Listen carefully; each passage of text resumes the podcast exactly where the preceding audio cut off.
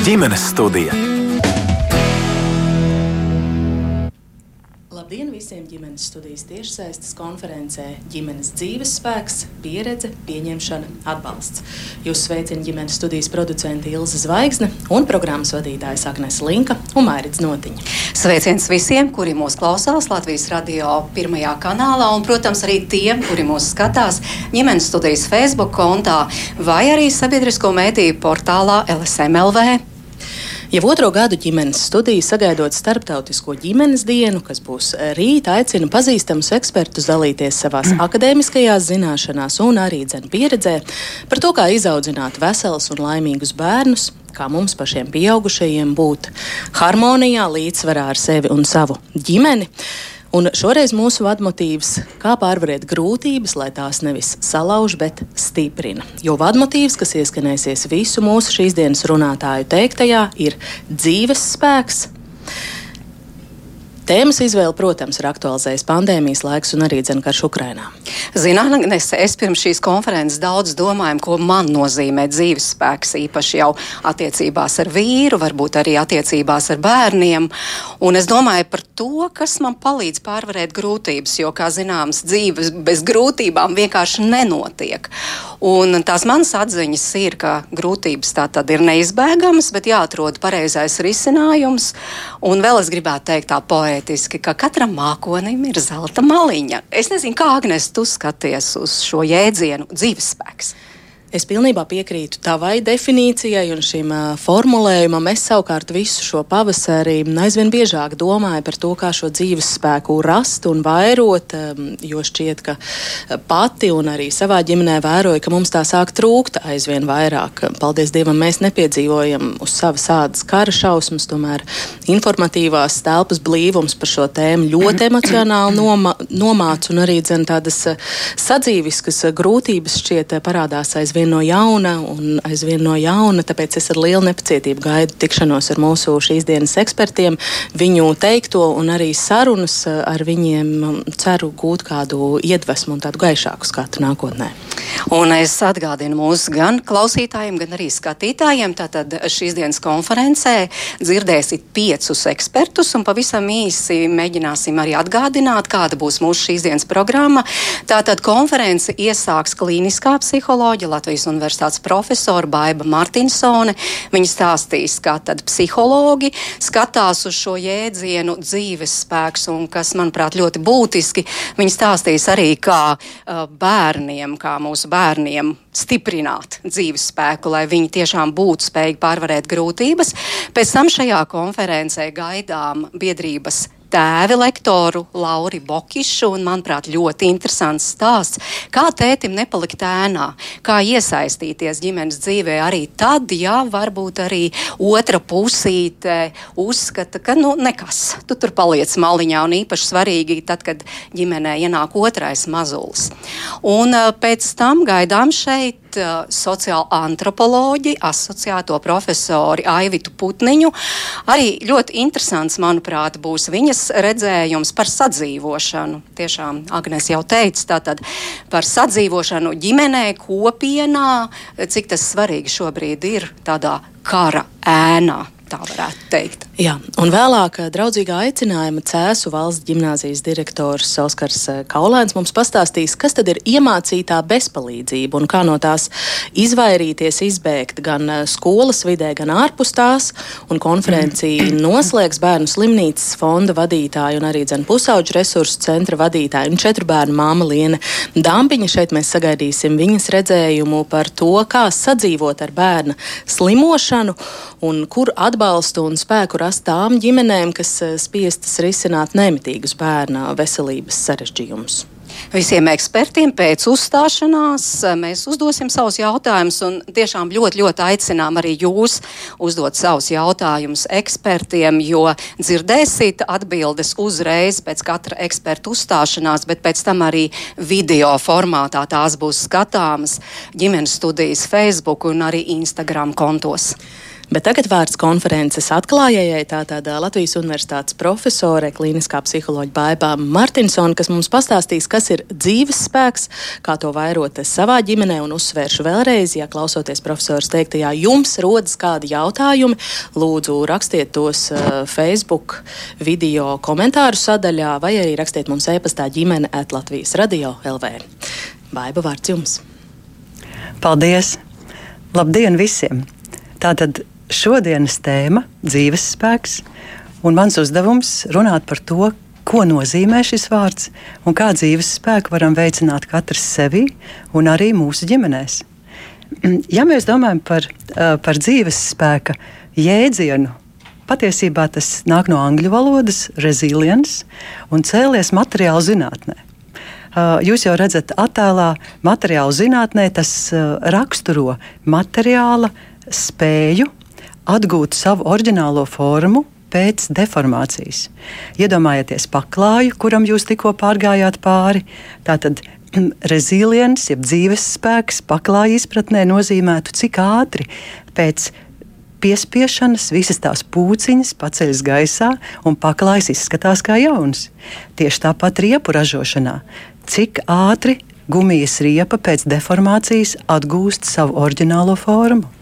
Jeb arī koku materiālu ziņā, kādu spiedienu vai kādu triecienu koks var izturēt, lai nesalūstu.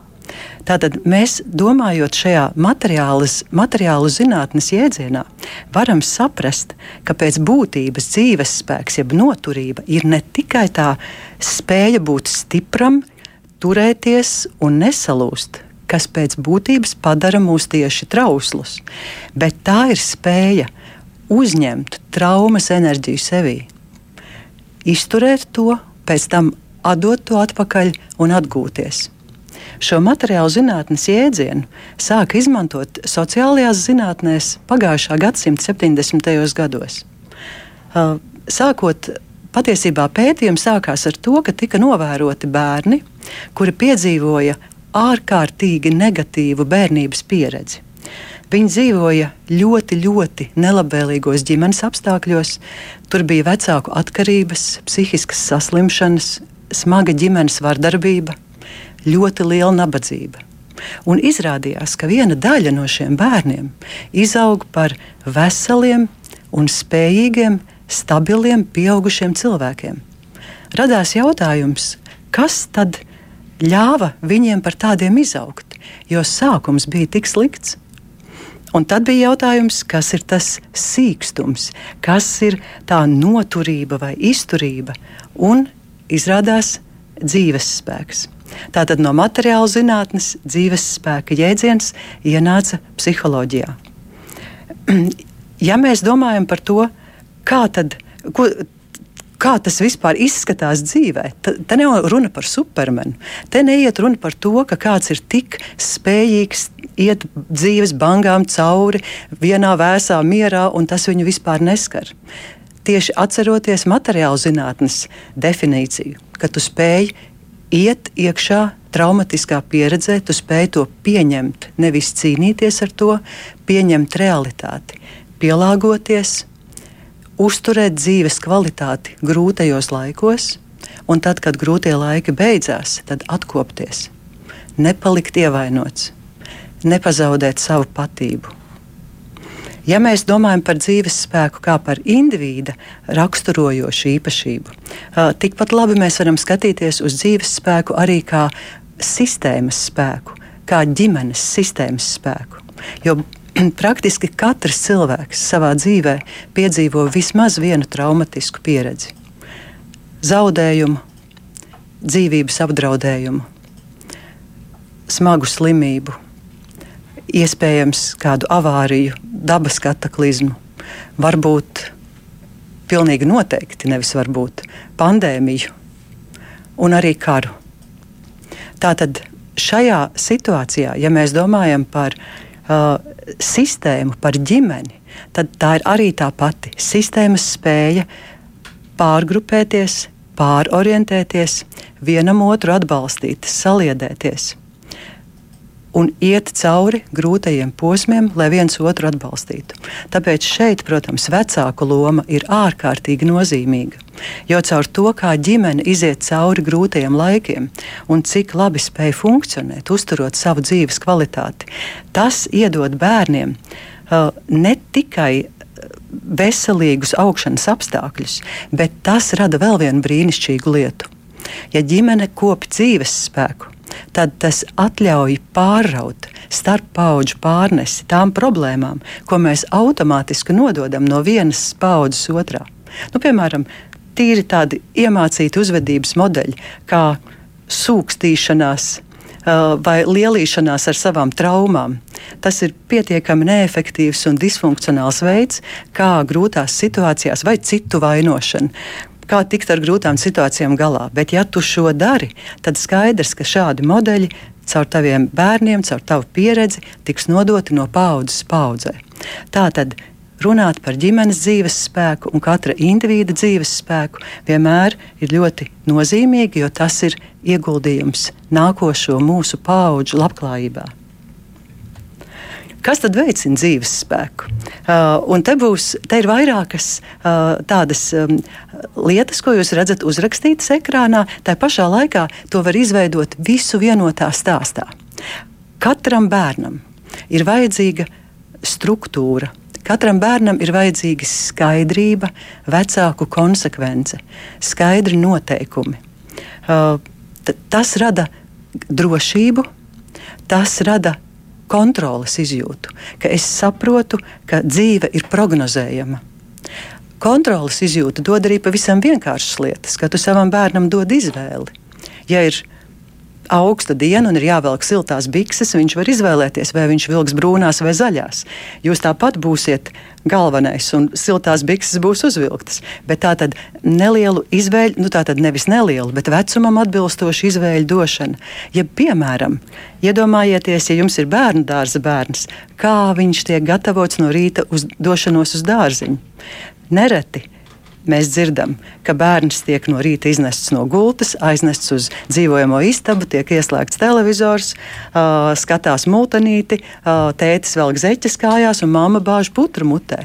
Un, teiksim, šāda pilnīgi neapzināta barošana pie televizora, kur bērns vispār nepiedalās, nekontrolē. Viņš vispār nezina, vai viņš grib, ko viņš ēd, un vai viņam jau pietika. Tātad tas nedos arī jau tīru fiziskās kontrolas izjūtu. Tātad šī struktūra, kontrole, prognozējamība, paredzamība dod drošības izjūtu un rada ārkārtīgi svarīgu izjūtu, ka es neesmu bezpalīdzīgs, ka nevis dzīve ar mani notiek, un brauc man pāri kā traktors. Bet pat pilnīgi bezizējas situācijās es varu saglabāt sevi un es varu saglabāt aktivitāti. Tātad šī uh, kontrolas izjūta palīdz izvairīties no bezpalīdzības, kas ir ārkārtīgi svarīgi tad, kad nāks grūtie laiki dzīvē. Un tas ir gandrīz droši, ka katram mums savu reizi būs arī grūtie laiki. Ja runā par drošību no, no vecāku viedokļa, tas ir grūts vecāku uzdevums. Kā tu vari radīt savam bērnam drošības izjūtu? Situācijā, kad tu zini, ka pasaule nav droša, ka ir tik daudz risku. Un tad kā tu vari, apzinoties visus tos riskus, radīt bērnam izjūtu, ka pasaule ir laba vieta, kur dzīvot? Un tad, protams, vecāku un bērnu saikne. Un mēs zinām, ka vecāki, vecāku attiecības ar bērniem ir primāras un ārkārtīgi nozīmīgas. Tā pašā laikā, tad, kad ir ļoti lielie dzīves satricinājumi vai ģimene ir krīzē, tad vecāki nereti nevar atbalstīt savus bērnus pietiekami. Tāpēc šeit ļoti svarīgi atcerēties, ka paralēli vecāku un bērnu saiknei ir ļoti svarīgi veicināt visa veida attiecības cik vien daudz iespējams ar treneriem, ar pulciņu vadītājiem, ar draugiem, ar tantēm un onkoļiem, ar krustmātēm un ar, ar tātad vēl kaimiņiem, lai būtu, jo lielāks tev ir šis attiecību tīkls, jo sietam ir smalkākas acis. Un grūtajos brīžos tas tīkls tevi noturēs. Tu neizkritīsi caur tām lielajām acīm un nepazudīsi. Tas rada, protams, piederības izjūtu un ļauj saglabāt pozitīvu identitāti. Pozitīvu identitāti, ka es esmu tā vērts, ka es varu. Un līdz ar to tas, šīs spējas ļauj iet cauri dzīves ļoti lieliem sarežģījumiem, saglabājot dzīves kvalitāti un atgūties tad, kad tās ir beigušās.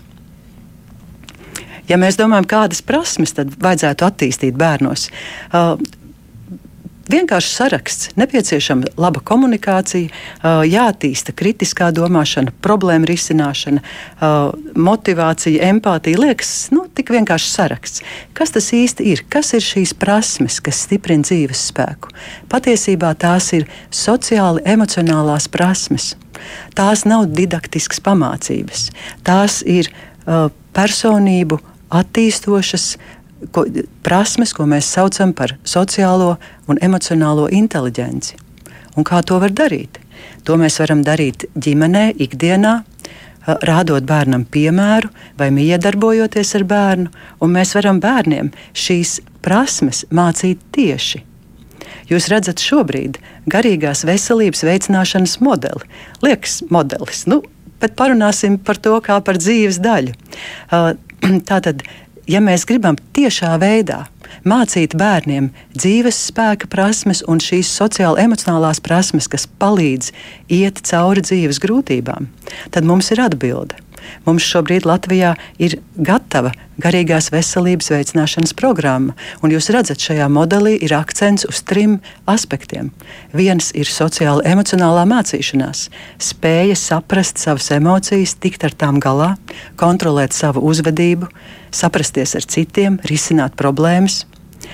Tad ir dažādu problēmu mazināšanas uh, aktivitātes. Un te mēs runājam par pārmērīgu interneta lietošanu, par, par atkarības vielu lietošanu, uh, psihiskām saslimšanām vai traucējumiem, un mēs runājam arī par, par dažādām uzvedības problēmām. Un jūs redzat, ka atsevišķs apelsīnu krāsas lodziņš ir dzīves spēka veicināšana. Un tās ir nodarbības bērniem no 3 līdz 18 gadu vecumam kurā mēs runājam arī par dzīves spēka tēmām, smagajām tēmām, par kurām maz runā ikdienā. Mēs runājam par lielām pārmaiņām, mēs runājam par zaudējumiem, par ciešanām, arī par nāvi. Un tas ir piemērots veids, kā bērnos uh, nepadarīt šīs tēmas par tabū tēmām un veicināt bērnu sīkstumu un noturību, sastopoties ar dzīves grūtībām. Ja jūs palūkosieties LSM bērnistabā, jūs redzēsiet uh, vecāku rokas grāmatu, kas ir tapusi šīs programmas ietvaros. Tas ir jūsu iedvesmai un jūsu uh, tādai inspirācijai. Uh, paskatieties šajā grāmatā, jo šeit ir runa par trim galvenajām vecāku lomām gan dzīves spēka veicināšanā, gan vēl visplašākajā kontekstā, kas varētu vecākiem iedot jaudu, vairāk sadarboties gan ar bērnu audzinātājiem, gan arī rast atbildes uz saviem jautājumiem, un noteikti jautājiet savu bērnu dārzu un savu bērnu skolu skolotājiem un direktoriem, kur ir šī programma. Vai jūsu bērniem ir vadītas šādas nodarbības? Jo pagājušā gadā tika pierādīts, ka tie bērni, kuriem bija šādas nodarbības, viņi daudz mazāk cieta no vardarbības, sek, atvainojiet, no pandēmijas sekām. Tātad tās trīs vecāku lomas, tas būs mūsu uh, noslēd, uh, noslēdzošā uh, ideja, ja mēs domājam par sevi kā par vecākiem.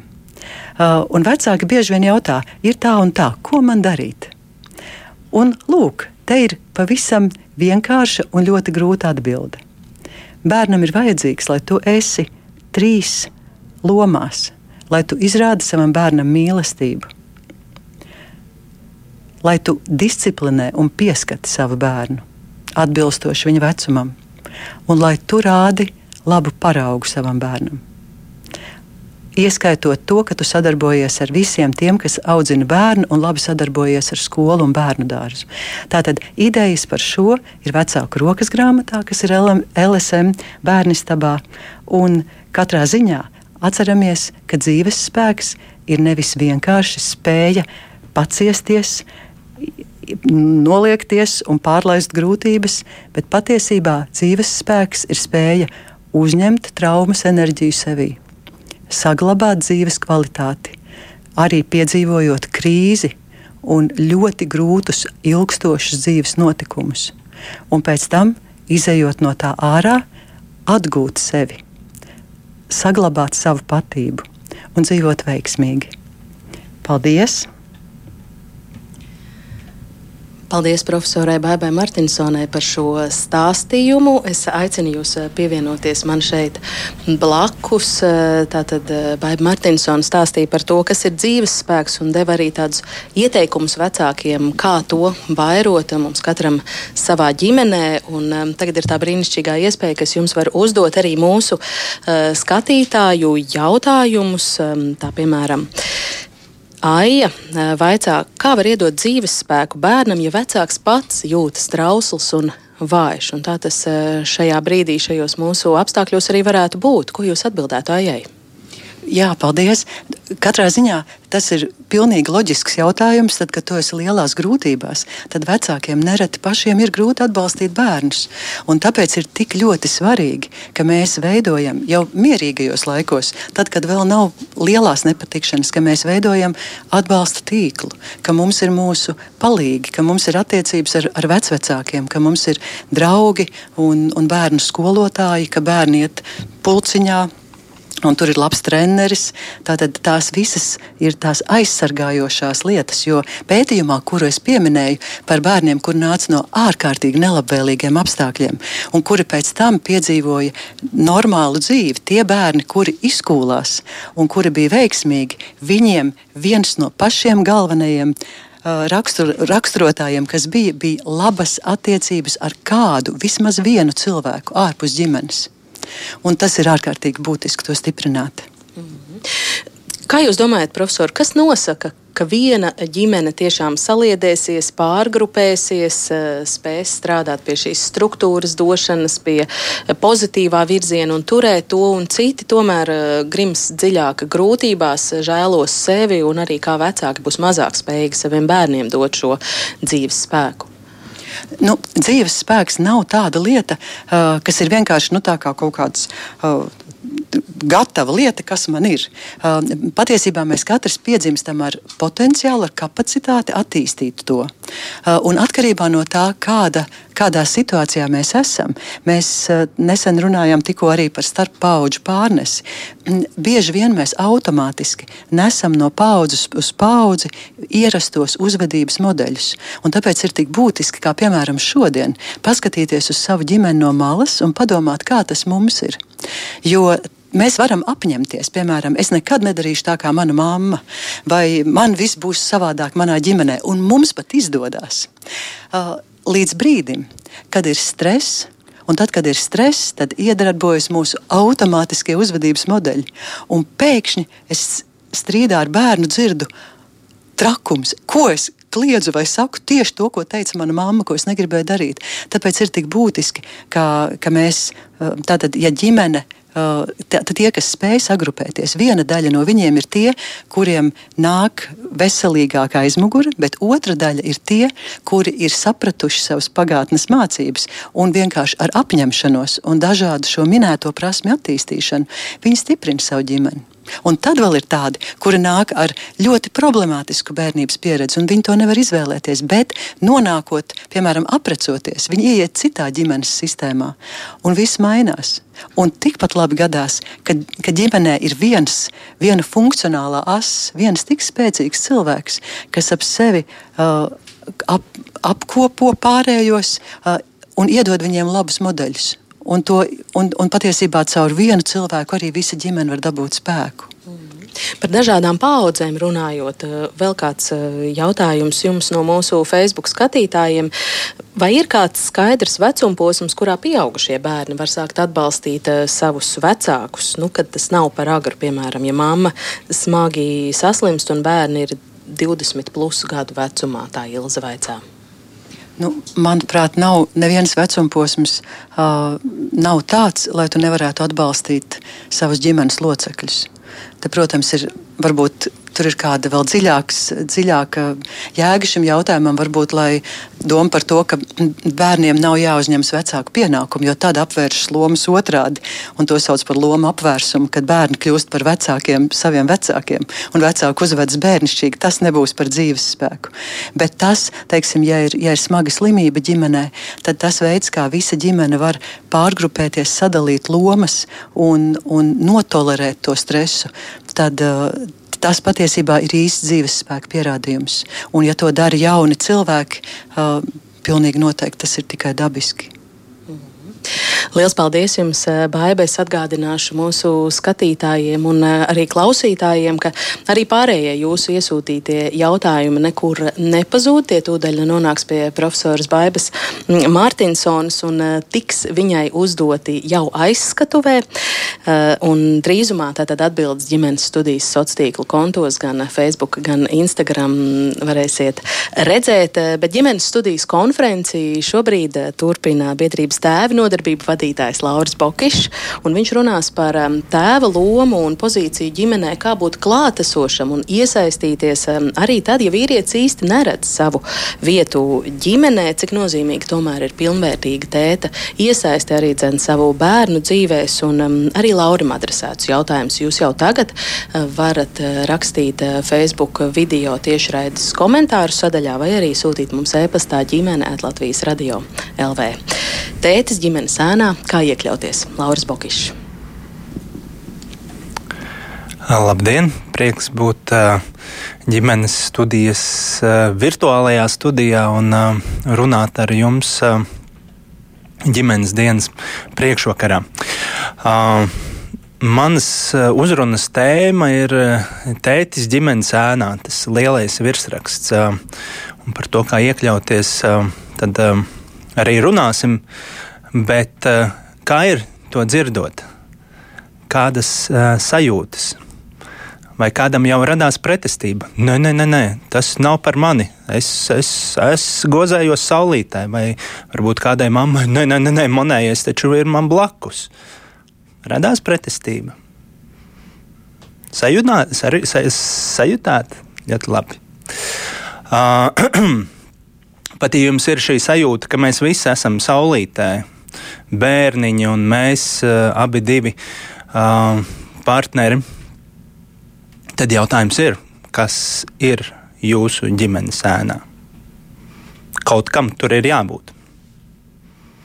Varbūt uh, tā ir attieksme pret lietām, varbūt tā ir steiga, varbūt tā ir pārlieku liela mērķtiecība, kura dzen bērnus brīžiem izmisumā un jūs pašus, un jūs to nepamanāt.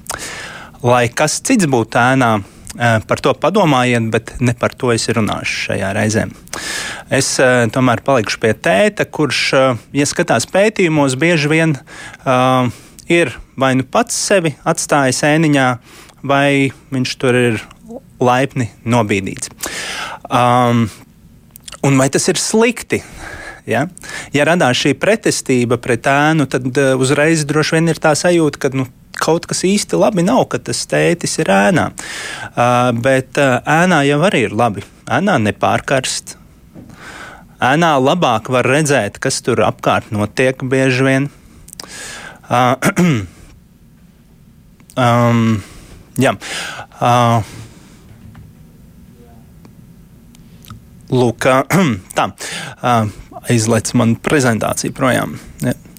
Jo ēna ļoti labi parāda, no kuras puses nāk gaisma un kas ir tas virziens, kurā mēs kā ģimene dodamies, kur mēs virzamies, kāda ir mūsu mērķi, kādas ir mūsu vērtības.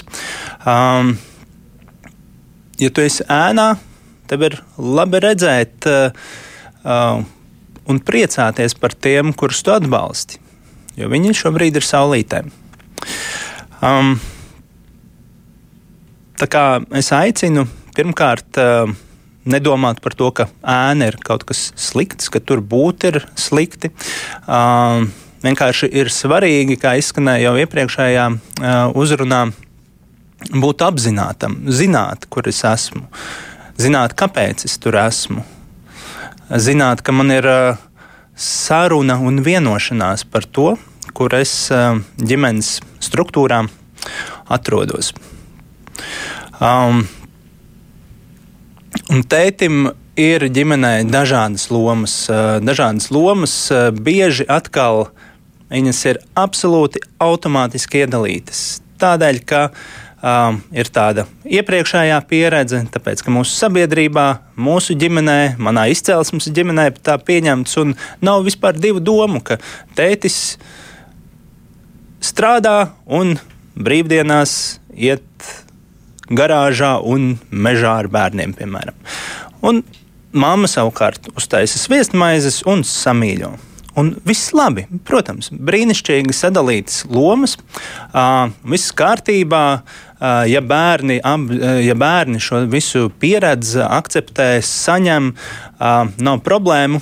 Problēmas rodas un izaicinājumi bieži, bieži tajā brīdī, kad uh, pienāk tāda pandēmija, kurā mēs bijām, kad uh, ik pa brīdim kādam no ģimenes ir vienkārši jāizslēdzas, jo, jo nu, ir kādam jāslimo, un kādam ir jāstrādā, un kādam ir jārūpējas par bērniem, kuri mācās tagad uh, visi uh, attālinātā režīmā. Un tad, uh, lai kāds būtu šis te. Uh, autopilota pieņemtais dalījums, kādam nākas uzņemties kaut ko vairāk, vairāk rūpju, vairāk mīlestības, vairāk disciplinēšanas. Un jautājums ir, vai mēs to protam. Un kā nu pat uh, izskanēja arī. Uh, profesors Mārtiņsons sacītajā, mēs nevaram iemācīties to lomu tajā brīdī, kad mēs esam nonākuši stresa situācijā, kad mums ir spriedzi un mēs vienkārši to vien darām, kā gribam kliegt vai, vai kliedzam uh, iekšēji vai, vai uz to, kas notiek apkārt, vai uz, uh, vai uz ārā pa logu, uz to, kas uh, nav pareizi uh, tajā, kur mēs esam iesviesti. Um, un, uh, tādēļ ir ļoti labi apzināties atkal un skaidri saprast, vai šīs lomas gādāt, nospraust robežas, rotaļāties, spēlēties, nest mamutu mājās, vai mēs viņas esam apsprieduši, un apzināti pieņēmuši, vai, tā, vai viņas vienkārši ir atnākušas mums nu, tādēļ, ka tā darīja mani senči, vai tādēļ, ka tā ir pieņemts, vai tādēļ, ka tā rāda filmās. Um, par šo mēs bieži neiedomājamies. Uh, Jo ir tāds uh, bezdibenis starp to brīdi, kad mēs paši pieaugam un kļūstam savukārt par ģimenes cilvēkiem. Pa vidam mēs mācāmies, mācāmies augstskolā un nodibinām ģimeni. Un risinām pilnīgi citas dzīves jautājumus un problēmas. Un tad vienā brīdī mēs tiekam ierauti atkal tajā, ko nozīmē būt ģimenē, ko nozīmē būt ģimenes sastāvdaļai. Tādēļ tā apzināta saruna ar sevi, ko es māku, ko es spēju, ko man ir iedavusi mana izcelsmes ģimene, ir ļoti svarīgi jautājumi. Un tās tad ir mūsu kā tētu uh, izvēles. Vai es uh, izvēlos vienkārši braukt pa šoseju, ar kruīzu kontroli un uh, visām citām modernām tehnoloģijām, kas ļauj man pacelt rokas gaisā un skatīties, kā mašīna pati virzās un automātiski samazina ātrumu, ja priekšā gadās kāds šķērslis vai tomēr es uh, rūpīgi skatos uz ceļu, kontrolēju situāciju gan ārpusē, gan iekšā. Gan iekšā to, kas notiek ģimenē, gan vēl jau vairāk, kas notiek manī. Vai es pazīstu sevi, vai es zinu, kas ir tie brīži, kad es saniknojos, kad es sāku kliegt, kad es sāku dusmoties, kad man liekas, ka citādi nevar, jo tas ir pareizi vai es māku sev uzdot jautājumu, kādēļ man tajā mirklī liekas, ka tikai tā ir pareizi. Um, ja mums nav šīs skaidrības par savu ceļu, par to, uz kāda ceļa es esmu nonācis, un ka es pats kontrolēju stūri un visus pārējos kloķus, bet pieņemu, ka man vienkārši ceļš ved, uh, tad uh, mēs varam iebraukt absolūtos neceļos. Iespējams, ka mēs esam tāda pilsētas mašīna un mēs tā nemanot nonākam uh, lauku apvidū vai, vai nonākam uh, vietā, kur benzīns ir pārāk dārgs vai vispār nav pieejams. Tā kā tās ir mūsu pašu izvēles. Vai mēs zinām, vai mēs saprotam, kā es esmu mācījies, ko es esmu paņēmis no ģimenes, kāpēc man ir šādi priekšstati, kādēļ es uh, lietās un problēmās vienmēr meklēju vainīgo, vai vienmēr man šķiet, ka es esmu pie viss vainīgs. Um, tie ir jautājumi, uz kuriem ir ļoti vērts uzdot, uh, jautā, uh, uh, uzdot jautājumu un pašam meklēt atbildes. Reizēm tas palīdz atrast uh, kāda vīru grupu, kurā tu vari iesaistīties. Reizēm uh, tas ir uh, izglītojošas nodarbības, citreiz tās ir grāmatas, uh, bet tos jautājumus uzdot ir uh, vērts, jo tie iedod uh, iespēju tajā brīdī, kad tu kļūsti par tēvu, kad es kļūstu par tēvu, būt skaidrākam, apzinātākam un drošākam uh, par to lomu un tām izvēlēm, kuras esmu izdarījis. Um, Protams, tajā brīdī, kad ir ģimene, tad arī mammai ir zināmas uh, iespējas uh, palīdzēt tētim iekļauties vai turēt viņu tādā divu metru distancē.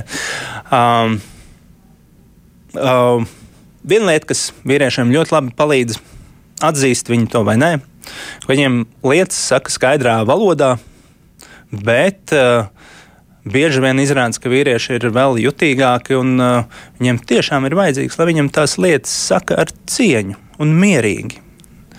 Nevis skaidri un uh, valdonīgi. Um, jo tā tad ir tā skola, kura tālāk aiziet arī bērnos. Uh, bērni ir spoguļi, viņi mācās no mūsu piemēra, un uh, lai kāda būtu mums eh, ģimenes struktūra, tur būtu puisīši vai meitenītes, eh, viņi mācās no abiem vecākiem - komunikācijas kultūru, attiecību kultūru, eh, kopā pavadīšanas laiku, mērķtiecīgu darbošanos, spēju fokusēties uz lietām vai darīt visas lietas vienlaicīgi. To bērni nekur citur, īpaši pirmajos dzīves gados, neiemācās kā, kā ģimenei. Tādēļ mammai ir ļoti brīnišķīga iespēja tētim ļaut iesaistīties. Īpaši tajos brīžos, kad ģimenē ienāk otrais bērns, to es esmu bieži pieredzējis, ka tēvs īstenībā nesaprot, ko tad man darīt. Un bieži tā automātiskā liekas, dabiskā attieksme ir, nu, tad uzņemas rūpi par vecāko bērnu. Bet tad izrādās, ka ir tik grūti dibināt kontaktu ar mazāko bērnu pēc gada vai pusotra. Kad, kad tas ir bijis absolūti mammas aprūpēm. Tādēļ mammai ir iespēja palūgt tētim iziet ar bērnu maziņo pastaigāties, viņu nomazgāt, un savukārt mammai pies, pieslēgties uh, vecākajam bērnam. Tajā brīdī, kad uh, tas jau ir trešais un ceturtais bērns, tur jau skaitīšanas sajūta. Tur uh, visi cerams dara visu, vai arī visu dara mama viena, un, lai kāda būtu izvēle, galvenais, lai tā būtu apzināta. Mm būtiski šajā stāstā ir, kādas tad ir bērnu vajadzības. Un bērnam ir vajadzīgi iesaistīti, mīloši vecāki. Gan tētis, gan mamma un vēl citi tuvinieki. Uh, bet, uh, kā jau es sākumā teicu, mums ir ļoti grūti būt uh, vajadzīgiem, iesaistītiem, tad, ja mums nav skaidrība par sevi. Mums ir daudz vieglāk ieraudzīt bērnus tad, kad mēs skaidri zinām, kas esmu es, kas notiek ar mani, kas man ietekmē, kas mani satrauc, kas man iepriecina. Uh, un otra lieta, ka es skaidri zinu, ka es visu par bērniem nezinu, un ļoti daudz man iemācīs viņi, nevis es viņiem. Tā kā aicinu tētus vienmēr padomāt par to, ka, lai būtu labāk saprast, kas notiek ar bērniem, kā viņus disciplinēt, kā, viņus, kā viņiem palīdzēt, kā viņiem radīt piemēru, mums ir jāsāk ar sevi.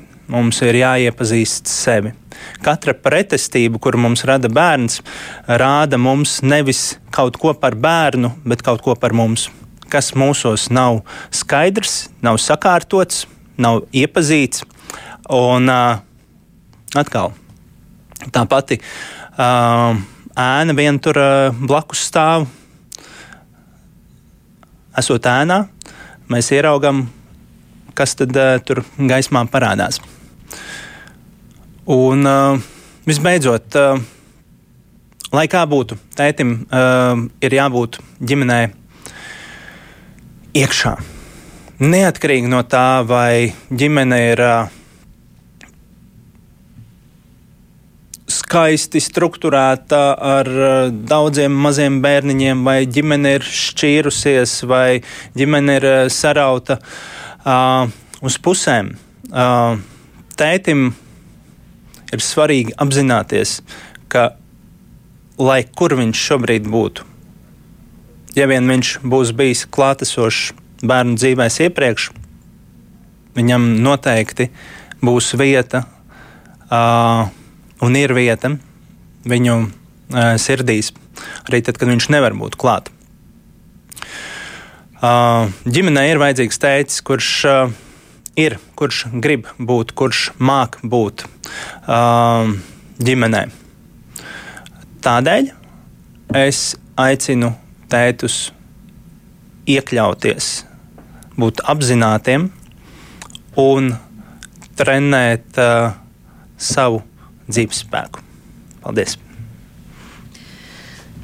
Paldies, Laurija. Es aicināšu tevi pievienoties eh, šeit man eh, blakus. Eh, mums ir vēl dažas minūtes, un ir arī vairāki skatītāju jautājumi um, tieši tev. Uh, Lai kāda būtu izvēle, galvenais, lai tā ir apzināta. Es pieķēros eh, vispirms eh, šai tavai frāzei, eh, jo mūsu Facebook kontā skatītāja Aiga jautā, ko darīt, ja vīrietis apzināti negrib būt iesaistīts, negrib uzņemties šīs citas lomas, kā ar to samierināties un strādāt. Ko tu atbildētu Aigai?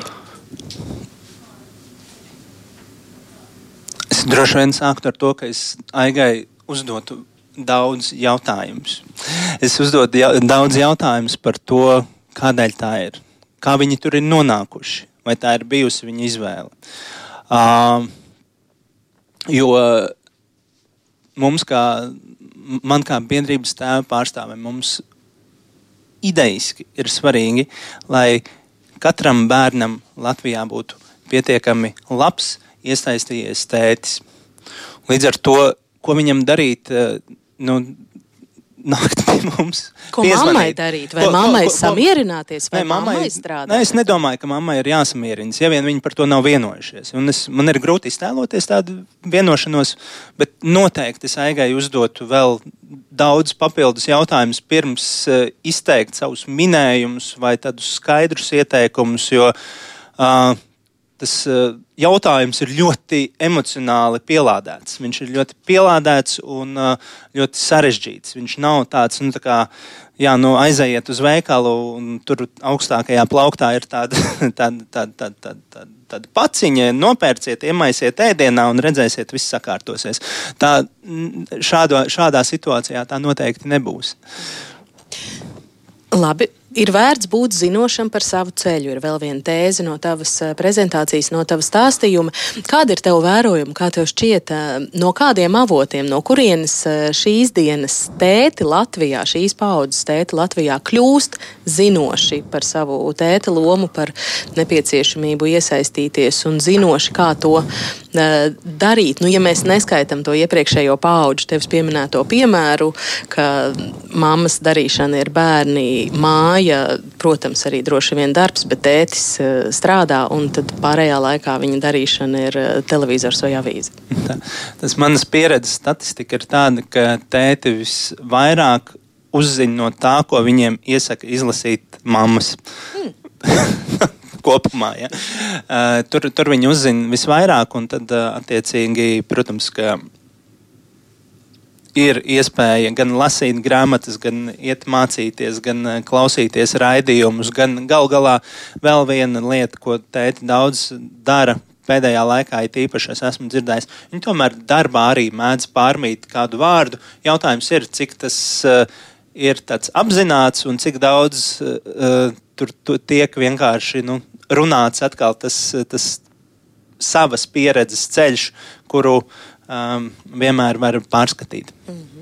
Bet vēl pavisam īsi, pusotra minūte, vēl, mums vēl ir uh, pētījumi, piemēram, par šķirto tēvu iesaistīju savu bērnu dzīvēs, rāda tādu ļoti skumju mm, ainu. Kā tev šķiet, vai ir kaut kas, kas Latvijā tādā rīcība politikas līmenī virzās uh, uz to, ka šī statistika par tēti iesaisti varētu iet uz uh, labo pusi? Tas ir jautājums, kurā ir ļoti daudz vēl ceļš ejams priekšā. Es neredzu nekādas tādas labas tendences šobrīd. Mums ir bijušas citas sāpes, citas grūtības, un tā ir ļoti aktuāla tēma, kurai nav šobrīd laba risinājuma vēl. Bet bērnu kopšanas atvaļinājums obligātais Tas, tēviem, kā tev šķiet? Kā bērnu vērtē? kopšanas atvaļinājums tēviem savukārt ir brīnišķīga lieta, kura sastopas arī ar milzīgu pretestību. Un, nu, tad, arī tostarp manā, manā un mūsu organizācijas uzdevums ir, uh, ir šo pretestību mazināt un skaidrot. Mm -hmm. Paldies, eh, Laurija. Arī viņam e-pastā eh, iesūtītie jautājumi un mūsu Facebook eh, tiešraides komentāru sadaļā jūs publicētie jautājumi nonāks tūdaļ pie Laura un pēc tam arī drīzumā ģimenes studijas sociālo kontos, bet mēs turpinām konferenci. Varētu teikt šādās pat noskaņās, jo līdzvērtīgām attiecībām ir nepieciešams laiks un prasmes. Tā ir viena no tēzēm, kas izskan mūsu nākamās šīs dienas doma apmaiņas dalībnieces teiktajā. Tā ir sociāla antropoloģija un Latvijas Universitātes asociētā profesora Aivita Putniņa, kas ir gatava mums šodien pastāstīt par to, kā vardarbības attaisnošana un nenosodīšana pat tādā mikro līmenī kā ģimene noved pie, varētu teikt, globālām problēmām un kāda tam ir saistība ar situāciju, ka pēkšņi viena valsts ņem iebrūk otrā valstī, posta un nogalina. Tātad arī Aivitē varat uzdot jautājumus jau tagad eh, tiešsaistes komentāros vai ēpastā. Aivita, vārds jums! Labdien! Es uh, pārstāvu šeit eh, empirisku zinātni. Tas, ko es šodien teikšu, eh, balstās veselas antropologa komandas pētījumā un, un arī vairāk kā pusotras simta pētījumu dalībnieku teiktajā. Un tad, izmantojot šo iespēju, iesākumā es gribu pateikt visiem šiem cilvēkiem paldies. Un, eh, tad, kad mani uzaicināja piedalīties šodienas konferencē, man lika padomāt par to, ka nu, tagad notiek um, šis karš un, un kā tagad mēs varētu šajā kara situācijā izdzīvot un ko mums par to domāt.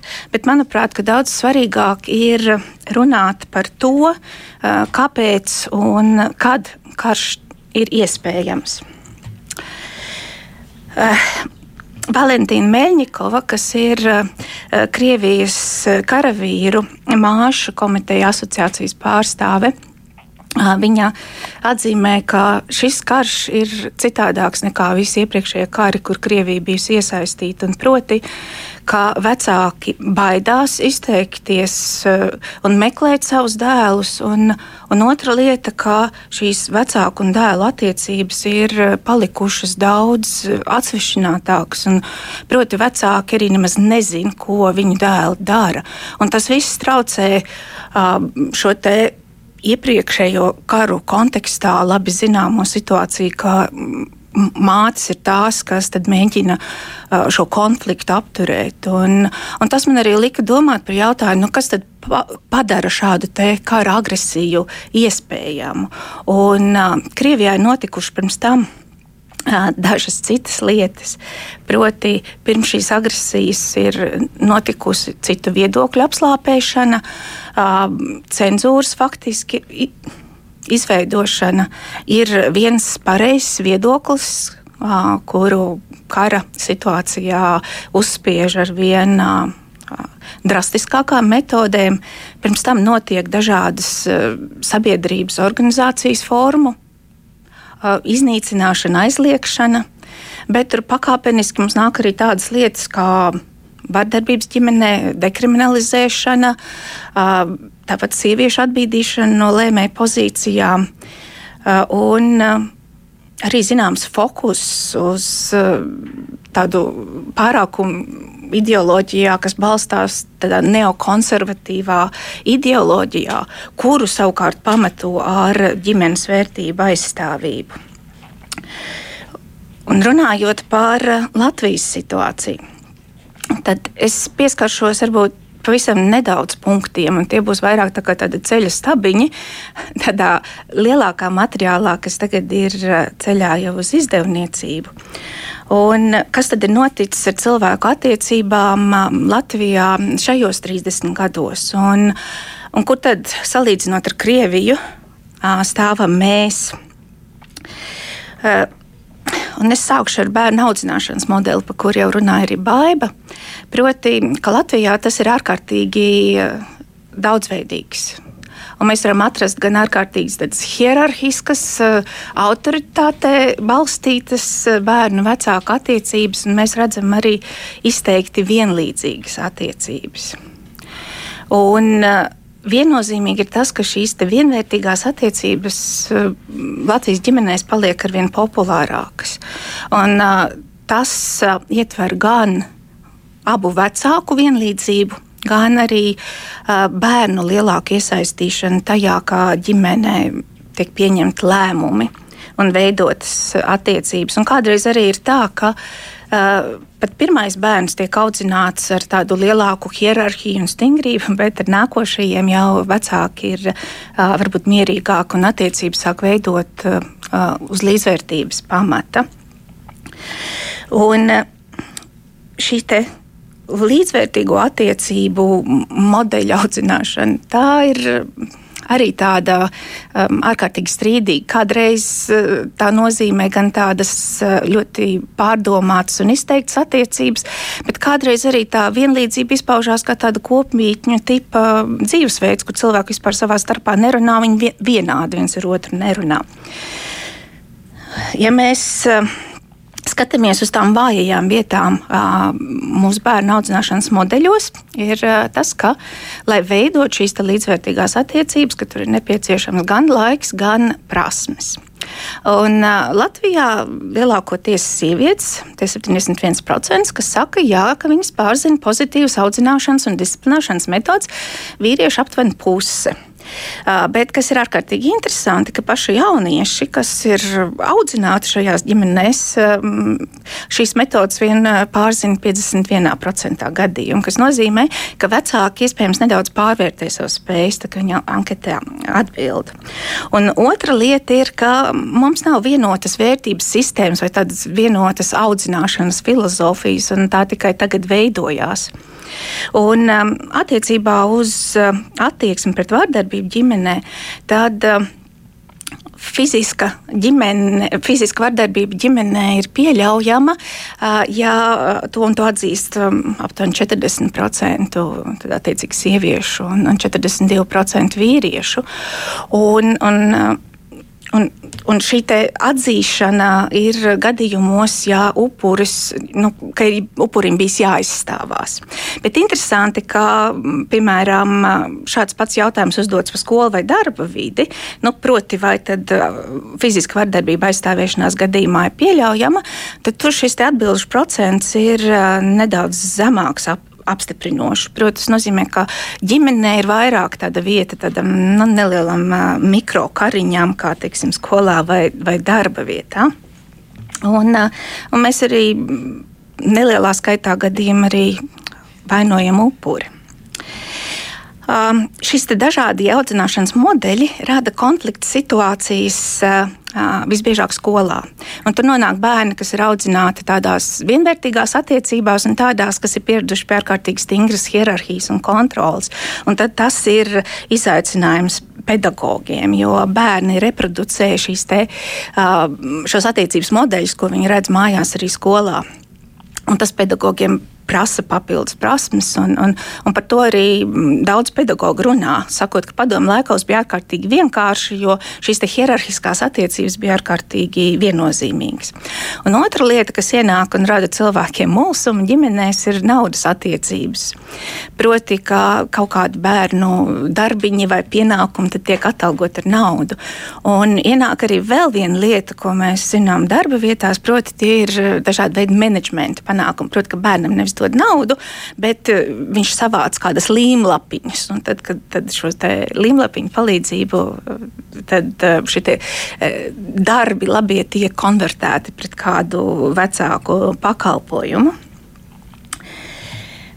Un jautājums arī ir par resursiem. Proti, ka Diezgan maz ģimeņu izmanto resursus, un Baiba runāja par resursu pieejamību jau, jau pašā sākumā.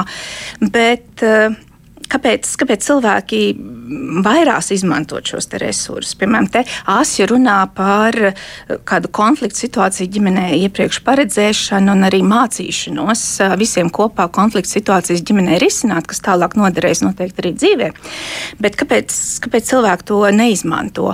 Un pirmkārt, cilvēks saka, ka nav laika, bet tas parasti nozīmē, ka tā nav prioritāte, ka to es negribu mm, īsti darīt. Un otra lieta ir, ka vecāki uzskata, ka vecāku loma ir kaut kas tāds, kāds, kas viņiem būtu nu, jāpiemīt jau dabiskā kārtā. Un tad kurs ir savas nekompetences eh, vai, vai kaut kādas nezināšanas atzīšana, ko viņi var sāpīgi uztvert. Pārējot pie pāru attiecībām, un, un par to, kāpēc mums politikā mm, ļoti bieži tiek runāts par to, ka mums tagad ir jāatbalsta mm, laulībā balstīta ģimene kā vērtība, un, un, un kāpēc mēs par to tik ārkārtīgi uztraucamies. Un, un, un, Kāpēc ir radusies tāda kā kolektīva sajūta, ka ģimene tagad ir apdraudēta? Un, un tad šī laulība ir panacēja problēmām, kas notiek ģimenē. Praktiskā ziņā runājot ar cilvēkiem, galvenā problēma ir vardarbība ģimenē, kas cilvēks nomāca. Un tā ir tā, tāds zilonis istabā. Es ar, runāju ar vairākām sievietēm, kuras nerunāja par vardarbību, nesauc vārdos intervijās. Viņa saka, tas man notika tas, un tad es, tad es intervijā viņai jautāju, jā, un tad jums arī tas bijis. Viņa saka, jā. Un, un, un kādreiz tas zilonis ir tāds, ka pats cilvēks viņu neredz. Un, un viņa klātbūtne istabā ir tikai eh, nojaušama. Un, un, un tad cilvēks atzīst, ka viņam tas ir bijis. Kāpēc tas tā notiek? Vai tā ir mm, kāda vērtību saglabāšana?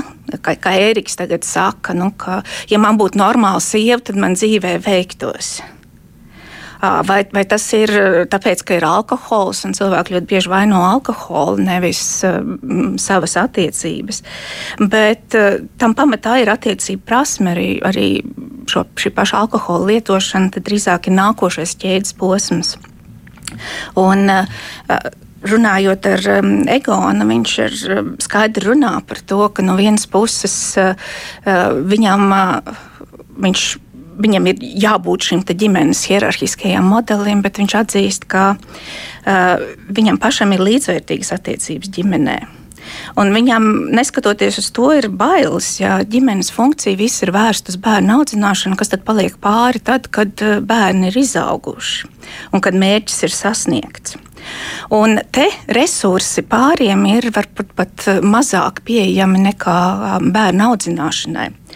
Un, patiesībā vienīgais tāds konstantais resurs, ko mēs redzējām, tas bija laulāto tikšanās vienā no katoļu draugiem. Un te Albīna stāsta par sevi viņai laulāto tikšanās ir ārkārtīgi palīdzējusi.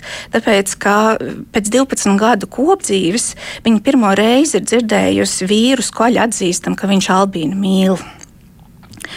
Un uh, šī kompromisu meklēšana un konfliktu re regulēšana ģimenēs ir ārkārtīgi dažāda. Tā var būt gan šīs tikšanās reizes, ka situācijas tiek atrisinātas, bet kādreiz tā ir ilgstoša agonija, kamēr pāris vienojas, ka vīrs dzērumā dosies dzīvot uz vasarnīcu un mājās atgriezīsies tikai tad, kad uh, viņš būs pie pilna saprāta. Taču agonijas laikā ir izauguši bērni un kaitējums jau ir nodarīts. Un visbeidzot, lokus tie ir kaimiņu un kopiena. Un cilvēki dzīvo ar vien vairāk tādu autonomāku, individualizētāku dzīvi. Un, un to atskāš ārkārtīgi daudz cilvēku. Tāda izteikta kaimiņu būšana ir palikusi varbūt vien latgalē, kā te modrs stāsta. Un modrs arī ironizē, ka viņš dodas pie radiem kurzemes pusē, tad viņi parasti saka, ah, tu paņem līdzi vairāk nekā atnesi. Un, bet arī latgalē kaimiņu būšana lēnām monetizējās. Bet tā nav tikai tāda ekonomiska lieta, nu, piemēram, kaimiņu attiecību trūkums traucē mums, piemēram, siltināt mājas, kas mums ļautu ietrauc, iekonomēt resursus. Un, un šī individualizācija un, un konkurence ienāk iekšā arī pašvaldību līmenī, un tur ir politizēšanās. Un, un vienā no šīm pašvaldībām, kur agrāk ir bijušas cilvēcīgas attiecības, tagad tās tiek kārtotas caur vēstulēm, attiecīgām instantēm un sūdzībām. Vēl viena lieta, ko nevar atrisināt ar baibas minēto Rezilience ir sociālā nevienlīdzība. Jo rezilience ir iespējama līdz kaut kādam robežam, šī elastība, bet sociālā nevienlīdzība uzliek robežu līdz tam, cik tālu mēs spējam šo savu elastību atjaunot. Nabadzību mēs varam skaisti, kā mums cilvēki sauc par pieticību, un tā ir morāla vērtība, bet nabadzība atstumj cilvēkus un izstumj, un, un, un tur ir ārkārtīgi maz, ko pats cilvēks šajā situācijā var darīt. Runājot par šo pozitīvo pusi, tad jā, mums radās arī jaunas sadarbības formas. Tā ir gan projektu kultūra ienākšana, gan, gan dažādu kopienas resursu veidošana. Un visbeidzot, pēdējā lieta, proti, novecošanās. Un tā arī ir lieta, kas kā sociālā nevienlīdzība paliek tāda kā puslegāla nodarbe. Proti, viegli ir tad, ja tā novecošanās ir aktīva. Bet kas notiek tad, ja cilvēks vairs nevar aktīvi novecot? Un, un, un viņam ir ne, vecuma nespēja. Un, un tad mēs dzīvojam starp uh, no vienas puses bērnu atbildību par vecākiem, kā tāda augsta morāla vērtība, kas ir ierakstīta arī likumā. Un šīs atbildības morālā uzstādījuma atslābumu. Un cilvēki ļoti bieži nonāk konflikta situācijā, var rūpēties par saviem slimajiem vecākiem vai mēģināt uzturēt attiecības ar savu pusaudzi. Uh, Šī joma lēnām profesionalizējās, bet ne līdz galam, joprojām radot dilemmas. Bet ļoti bieži arī šī savu vecāku nepieskatīšana un, un šīs grūtības ar, ar saviem vecajiem, nespējīgiem vecākiem arī ir rezultāts iepriekšējām bērnu vecāku attiecībām. Un tad noslēgumā, kādas tad ir mūsu praktiskās vērtības? Ne tikai tās, ko mēs deklarējam, bet tās, ko mēs izdzīvojam. Vai mums ir pietiekami daudz līdzvērtīgu attiecību veidošanas prasmes, ko mēs darām ar savu nespēju un ko mēs darām sabiedrībā ar sociālo nevienlīdzību. Un tikai visas šīs lietas savēlkot kopā, tā mūsu elastība un dzīves prieka gūšana, tad tā var nākt tikai no sadzīvošanas ģimenē un kopienā mūsu mūža laikā, jo to mēs negūstam ne no naudas, ne no, um, ne no mūsu statusa, bet um, tikai no mūsu savstarpējām attiecībām. Paldies! Paldies Latvijas Universitātes asociētai profesorei, sociālā antropoloģijai Aivitei Putniņai par attiecību vērojumiem šodienas Latvijā. Un tiešām tā arī ir Aivita, ka mēs katrs esam iausti šādā attiecību tīmeklī ar savu otro pusīti, ar bērniem, ar kaimiņiem, ar citiem cilvēkiem. Bet es gribēju jautāt, tad pāris ir centrā. Tās attiecības pāris starpā ir tās svarīgākās, kuras atkal tālāk eskalē tās pārējās attiecības. Tā varētu teikt. Jā un nē. Tāpēc, ka mēs šīs attiecību prasmes jau no sākuma iemācāmies savā ģimenē. Un tā ir tāds uh, lokus, kur šī bērna audzināšana un tālāk pašu dzīves veidošana un, un, un attiecību veidošana ar mūsu darba kolēģiem, ar kaimiņiem. Tas viss nu, veido to bagāžu, ko mēs tālāk aiznesam.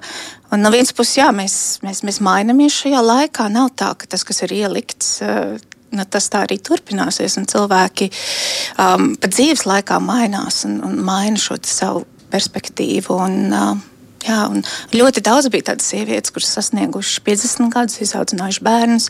Viņas saprot, ka tā viņa ģimene, kas ārēji bijusi skaista, laimīga, prestižā, ka tā ir bijusi pilna vardarbības.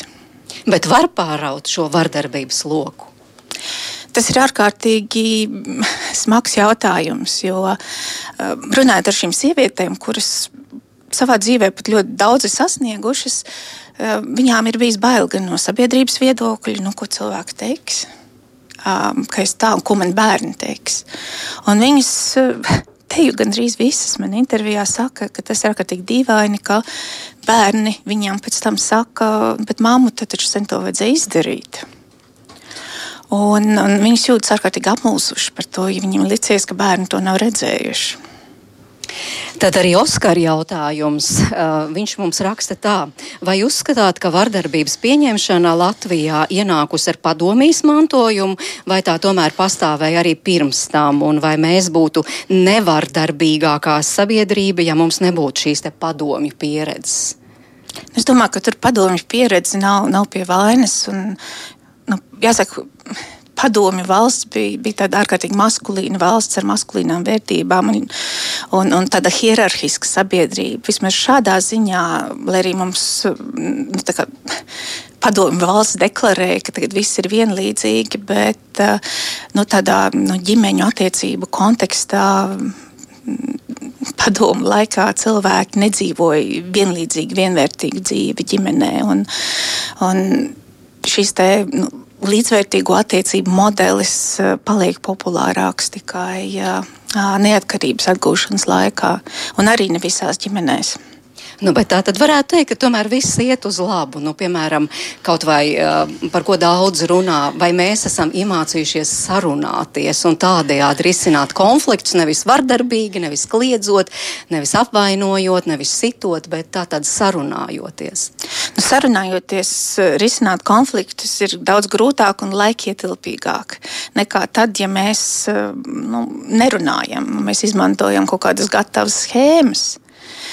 Um, jo, jo tas prasa zināmas dzīves prasmes un, un, un ieguldījumu. Un, un galu galā arī otra cilvēka uzklausīšana, kas, kas droši vien ir tas viens no sāpīgākajiem jautājumiem. Jo mēs itin viegli varam otru cilvēku savā galvā iztēloties, un mēs zinām, ko tas otrs, kāds viņš ir un ko viņš domā. Bet mēs mācāmies, vai ne? Mēs kļūstam labāk šai ziņā. mēs, mēs lēnām mācāmies, mēs mainamies, un, un mainās arī mm, duši tie standarti, kā, kā, kā, kā dzīvē būtu jābūt. Bet, uh, joprojām mēs īsti par to nerunājam. Tāpēc man ir prieks par šo dienu, ka uh, mums ir jāsāk runāt par to, ka, ka bērnu audzināšana nav kaut kas tāds, kas nāk dabiski, vai pārattiecību veidošana arī nav tas, ka tur sanāk divu dzimumu cilvēku kopā, un tad, eh, tāpēc, ka viņi tādi ir, tas viss dabiski aiziet, kā visas šīs eh, mūsu attiecības prasa ieguldījumu. Paldies! Es saku sociāla antropoloģijai, arī Latvijas Universitātes asociētai profesorai Aivitai Putniņai par šo attiecību uh, modeļa uh, tēlojumu, kāds tas šobrīd ir Latvijā. Un es ar prieku piesaku arī mūsu konferences nākamo runātāju, draudzīgā aicinājumu Cēsu valsts ģimnāzijas direktoru Oskaru Kaulēnu. Un, manuprāt, ārkārtīgi svarīgs temats, par kuru tūlīt Oskars Kaulēns runāts, runās par iemācītu bezpalīdzību, ko tas īsti nozīmē un kā no tās var izvairīties. Un man tikai viena piebilde ka Oskars Kaulēns ir ne tikai direktors, arī vēstures skolotājs, arī astotās klases audzinātājs. Tā kā es ļoti ceru, ka viss, ko dzirdēsim, būs ne tikai izlasīts gudrās grāmatās, bet būs arī no dzīves. Lūdzu, Oskar, klausāmies! Paldies! Sveicināti ģimenes studijas gan klausītāji, gan skatītāji. Man ir tiešām prieks būt šeit, un īpaši prieks par to, ka man ir iespēja runāt par jautājumu, par kuru es kā izglītības profesionālis esmu domājis nu jau vairāku gadu garumā. Un stāsts būs par iemācītu bezpalīdzību, kas tas ir un ko ar to darīt. Bet man tas konteksts, kādā es runāšu, protams, būs par skolēniem, par pusauģiem un jauniešiem, bet man ļoti gribētos, lai tie, kas klausās, domā līdzi arī par sevi kā par pieaugušajiem. Jo no manas stāsta būs ļoti noprotams, ka īstenībā tas, kāpēc mūsu pusauģi vienā brīdī kļūst par bezpalīdzīgiem tiešā veidā nāk no tā, kāda mēs esam kā pieaugušie, gan kā skolotāji, gan kā vecāki, un kas ir tās darbības, ko mēs veicam, lai, lai vai nu veicinātu šo, vai tieši pretēji palīdzētu viņiem kļūt, kļūt daudz pašpalīdzīgākiem un, un pašiem risināt dažādas problēmas. Un manam stāstam būs vairāk tādas, es teiktu, tādas trīs daļas. Es iesākšu ar to, ka mēs mazliet parunāsim par dažādām skolas situācijām, kurās var ieraudzīt to, ka šī patiešām ir problēma un viņa ir ļoti būtiska. Tad parunāsim par to, kas ir tie simptomi vai sekas, ko šī iemācītā bezpalīdzība var, var radīt, un kāpēc es personīgi arī kā direktors un arī kā skolotājs ļoti par šo satraucos. Un tad pēdējā daļā sāksim runāt mazliet par risinājumiem un kopīgi varbūt domāsim par to, ko ar šo visu var izdarīt, lai ne tikai bērni, bet arī pieaugušie kļūtu par, par pa, pašpalīdzīgākiem cilvēkiem un, un veiksmīgāk varētu iekļauties arī sabiedrībā. Un es iesākšu ar tādu nelielu at, atkāpu mazliet vēsturē. Varbūt daļa no jums zina, 2020. gadā Latvijā ir uzsākts jauns, jauna izglītības standarta īstenošana, tāda kompetencēs balstīta izglītība, un šeit jūs ekrānā redzat šo ļoti skaisto, bez ironijas, tiešām ļoti skaisto vīziju par to, kādus mēs gribam redzēt savus jauniešus 2030. gadā, un šeit ir daudzi ļoti būtiski būtiski ļoti svarīgi atslēgas vārdi, kuriem es, es gribu pievērst uzmanību, jo tie ir tieši pretrunā ar to, kas ir iemācīta bezpalīdzība. Mēs ļoti gribam, lai jaunieši ir ļoti atbildīgi un aktīvi sabiedrības dalībnieki, ar to saprotot, ka viņi paši iesaistās dažādu problēmu risināšanā, nevis gaida, ka citi to atrisinās viņu vietā. Mēs gribam, lai tie ir jaunieši, kuriem būtu, būtu pašapziņa un viņi apzinātu sevi kā personību un cienītu un rūpētos par sevi un citiem. Tas nozīmē, ka viņi prot novērtēt sevi un novērtēt arī citus cilvēkus, lai viņi būtu tie, kas ir radoši. Tātad spēja radīt jaunas idejas, nevis gaidīt tikai gatavus risinājumus un, un īstenot kaut kādus iepriekš sagatavotus algoritmus. Un tas pēdējais, tas, kas slaidā ir arī iekrāsots, tas, manuprāt, ir pats būtiskākais, lai viņi būtu lietpratēji savā izaugsmē, ar to saprotot, ka viņi prot vadīt savu izaugsmi, izvirzīt mērķus, izveidot rīcības plānu, kā uz šiem mērķiem aiziet, un lai viņiem mācīšanās būtu kļuvusi par ieradumu. Tas nozīmē, ka jebkurā grūtības situācijā situācijā, ar kurām viņi saskarās, viņi spētu atrast risinājumu un būtu, viņiem būtu dažādas stratēģijas, kādā veidā šīm grūtībām tikt galā. Un tad mēs atopamies šī brīža realitātē, un, un es ieskicēšu vienu, es teiktu, tā varbūt mazliet klišejisku piemēru, bet principā daudziem skolēniem šī ir ikdienas situācija, un tad apskatīsimies, kādā veidā tur tā iemācītā bezpalīdzība parādās. Un šeit atļaušos izmantot matemātikas piemēru, bet droši vien derētu jebkurš cits mācību priekšmets, ko skolēns skolā apgūst, un mēs iedomājamies kādu tādu vidusmēru skolēnu, kurš ļoti regulāri apmeklē mācību stundas, kavējumu viņam nav, viņš cītīgi mācās, iesaistās mācību darbā, bieži vien varbūt pat saņem saņem skolotāju uzslavas, un arī vecāki redz, ka, ka mācīšanās notiek. Uh, uzdod jautājumus, ja kaut kas nav skaidrs, mēģina, mēģina tikt pie atbildēm. Protams, apzinīgi izpild mājas darbus, piedalās konsultācijās un meklē papildus palīdzību, ja tāda ir nepieciešama. Taču tajā brīdī, kad ir jānodemonstrē savs sniegums noslēguma darbā, viņš atkal saņem nesakmīgu vērtējumu. Uh, droši vien varbūt atpazīstat sevi kādā no šīm situācijām, bet diezgan, diezgan tipiska situācija no skolu ikdienas. Un tad ir tie divi scenāriji, par kuriem es gribētu runāt runāt, kas var notikt šādā gadījumā, un tur mēs arī ieraudzīsim to iemācīto bezpalīdzību. Eh, un tas viens scenārijs, ko es personīgi viņas nosaucu par neatlaidības scenāriju, eh, iezīmē pavisam skaidru to rīcības algoritmu. Neskatoties uz to, ka skolēns ir cietis neveiksmi, viņš turpina piedalīties mācību procesā, prasa palīdzību, un šeit jau, piemēram, klases biedriem un, un, un citiem cilvēkiem, kur varētu palīdzēt viņiem šo iemācīties, eh, iespējams, dodas pie privāta skolotāja, bet turpina mācības. Un tas, tas galvenais, kāpēc kāpēc viņš šo dara, ka viņam ir nostiprināta ticība par to, ka šo priekšmetu var iemācīties, jo es redzu, ka to var izdarīt arī citi. Līdz ar to es eventuāli ticu, ka arī man ir iespēja sasniegt tādus pašus rezultātus kā, kā citiem. Savukārt, otrs scenārijs, kas mani personīgi visvairāk satrauc, un īpaši jau pandēmijas kontekstā, šis bija ļoti, ļoti uzskatām redzams, ir šis saucamais bezpalīdzības scenārijs, kurš skolēns atkārtot ciešot neveiksmi un saskaroties ar izaicinājumiem un šķēršļiem, atsakās mācīties, mums vairs neinteresē konsultācijas, mēs vairs nepildām mājas darbus, un mēs principā savā ziņā esam padavušies, jo mums ir nostiprināta pārliecība par to, ka rezultāti tik un tā nebūs. Līdz ar to, kāpēc tērēt enerģiju, kāpēc tērēt resursu, ja mēs zinām, ka, ka jēgas tāpatās nebūs nebūs un rezultāts nav, nav sasniedzams. Un šeit mēs ļoti uzskatām, redzam par to, ka īstenībā arī no pieaugušo rīcības, no tā, kā pieaugušie reaģē vienā vai otrā gadījumā, mainās arī tas, kā skolēns, skolēns rīkojas un, un reaģē noteiktā situācijā. Līdz ar to, kas tad ir tā iemācītā bezpalīdzība? Par iemācīto bezpalīdzību ir ļoti daudz jau šobrīd literatūras, bet šeit ir viena no definīcijām, kas man personīgi uzrunā visvairāk, un tas ir stāsts par noteiktu psiholoģisku stāvokli vai uzvedību, kurā cilvēks demonstrē to, ka viņš vai nu objektīvi nespēja, vai vienkārši nevēlas tikt galā ar dažādām grūtību situācijām, jo viņam dažādu apstākļu sakritības rezultātā ir nostiprināta pārliecība par to, ka šai situācijai nav nekāda risinājuma, un tie apstākļi, kādos konkrētajā brīdī viņš atrodas, viņi ir tik nepārvarami, ka ar viņa piepūli nekas tev, tur nav līdzams. Līdz ar to nostiprina sajūtu par to, ka situācija atrodas ārpus kontrols un nekāda rezultāta, rezultāts nav uh, iespējams. Un, ja mēs runājam par to manu personīgo satraukumu gan kā skolotājiem, gan kā skolas direktoram, uh, tad šeit jūs redzat uh, slīdā vairākas uh, tādas īstermiņa sekas, principā arī tādas pazīmes, pēc kurām šo iemācīto bezpalīdzību var atpazīt. Un, un, un tas, ko dara cilvēki, kur atrodas šajā stāvoklī, atsakās prasīt palīdzību tieši tam dēļ, ka palīdzība varbūt būtu iespējams risinājums tai situācijai, kurā cilvēks atrodas, bet mēs negribam ar šīm grūtībām tikt galā. Līdz ar to mēs noraidām jebkuru citu cilvēku mēģinājumu palīdzēt. Droši vien vecāki ļoti labi atpazīst sevi šajā situācijā, ja mēs redzam, ka bērni ir, ir, ir grūtība priekšā, piedāvā palīdzību, bet nekādā veidā šī palīdzība netiek pieņemta. Frustrācija un neapmierinātība, jo mēs zinām, ka mēs nevaram sasniegt savus vēlamos rezultātus. Mēs līdz ar to ļoti ātri padodamies, mēs negribam mēģināt īpaši jau ņemt kādus jaunus izaicinājumus, jo mēs zinām, ka mēs saskarsimies ar grūtībām un, un tie apstākļi būs sarežģīti. Līdz ar to mēs vienkārši izvairamies no jaunā, jaunu sarežģījumu situācijām.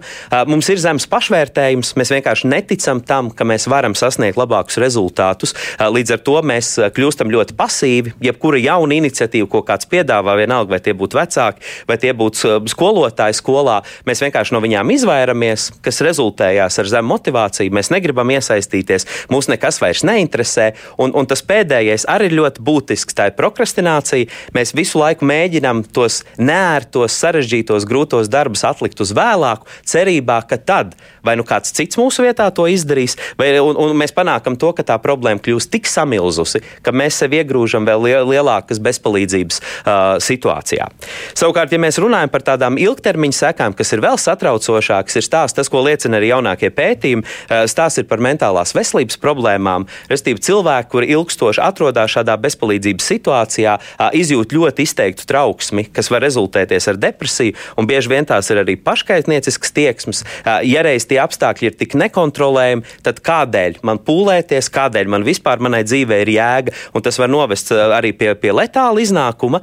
Otrs ir ļoti svarīgs, īpaši jau domājot arī par pieaugušajiem, kur atrodas iemācītā bezpalīdzībā. Tas ir stāsts par profesionālām neveiksmēm. Ja reiz es nevaru kontrolēt apstākļus un situāciju, līdz ar to es necenšos arī būt pēc iespējas labāks profesionāls. Man pietiek ar to, ka es vienkārši padaru savu darbiņu, bet es nedomāju par to, kā es varu darīt labāk to, ko es ikdienā daru.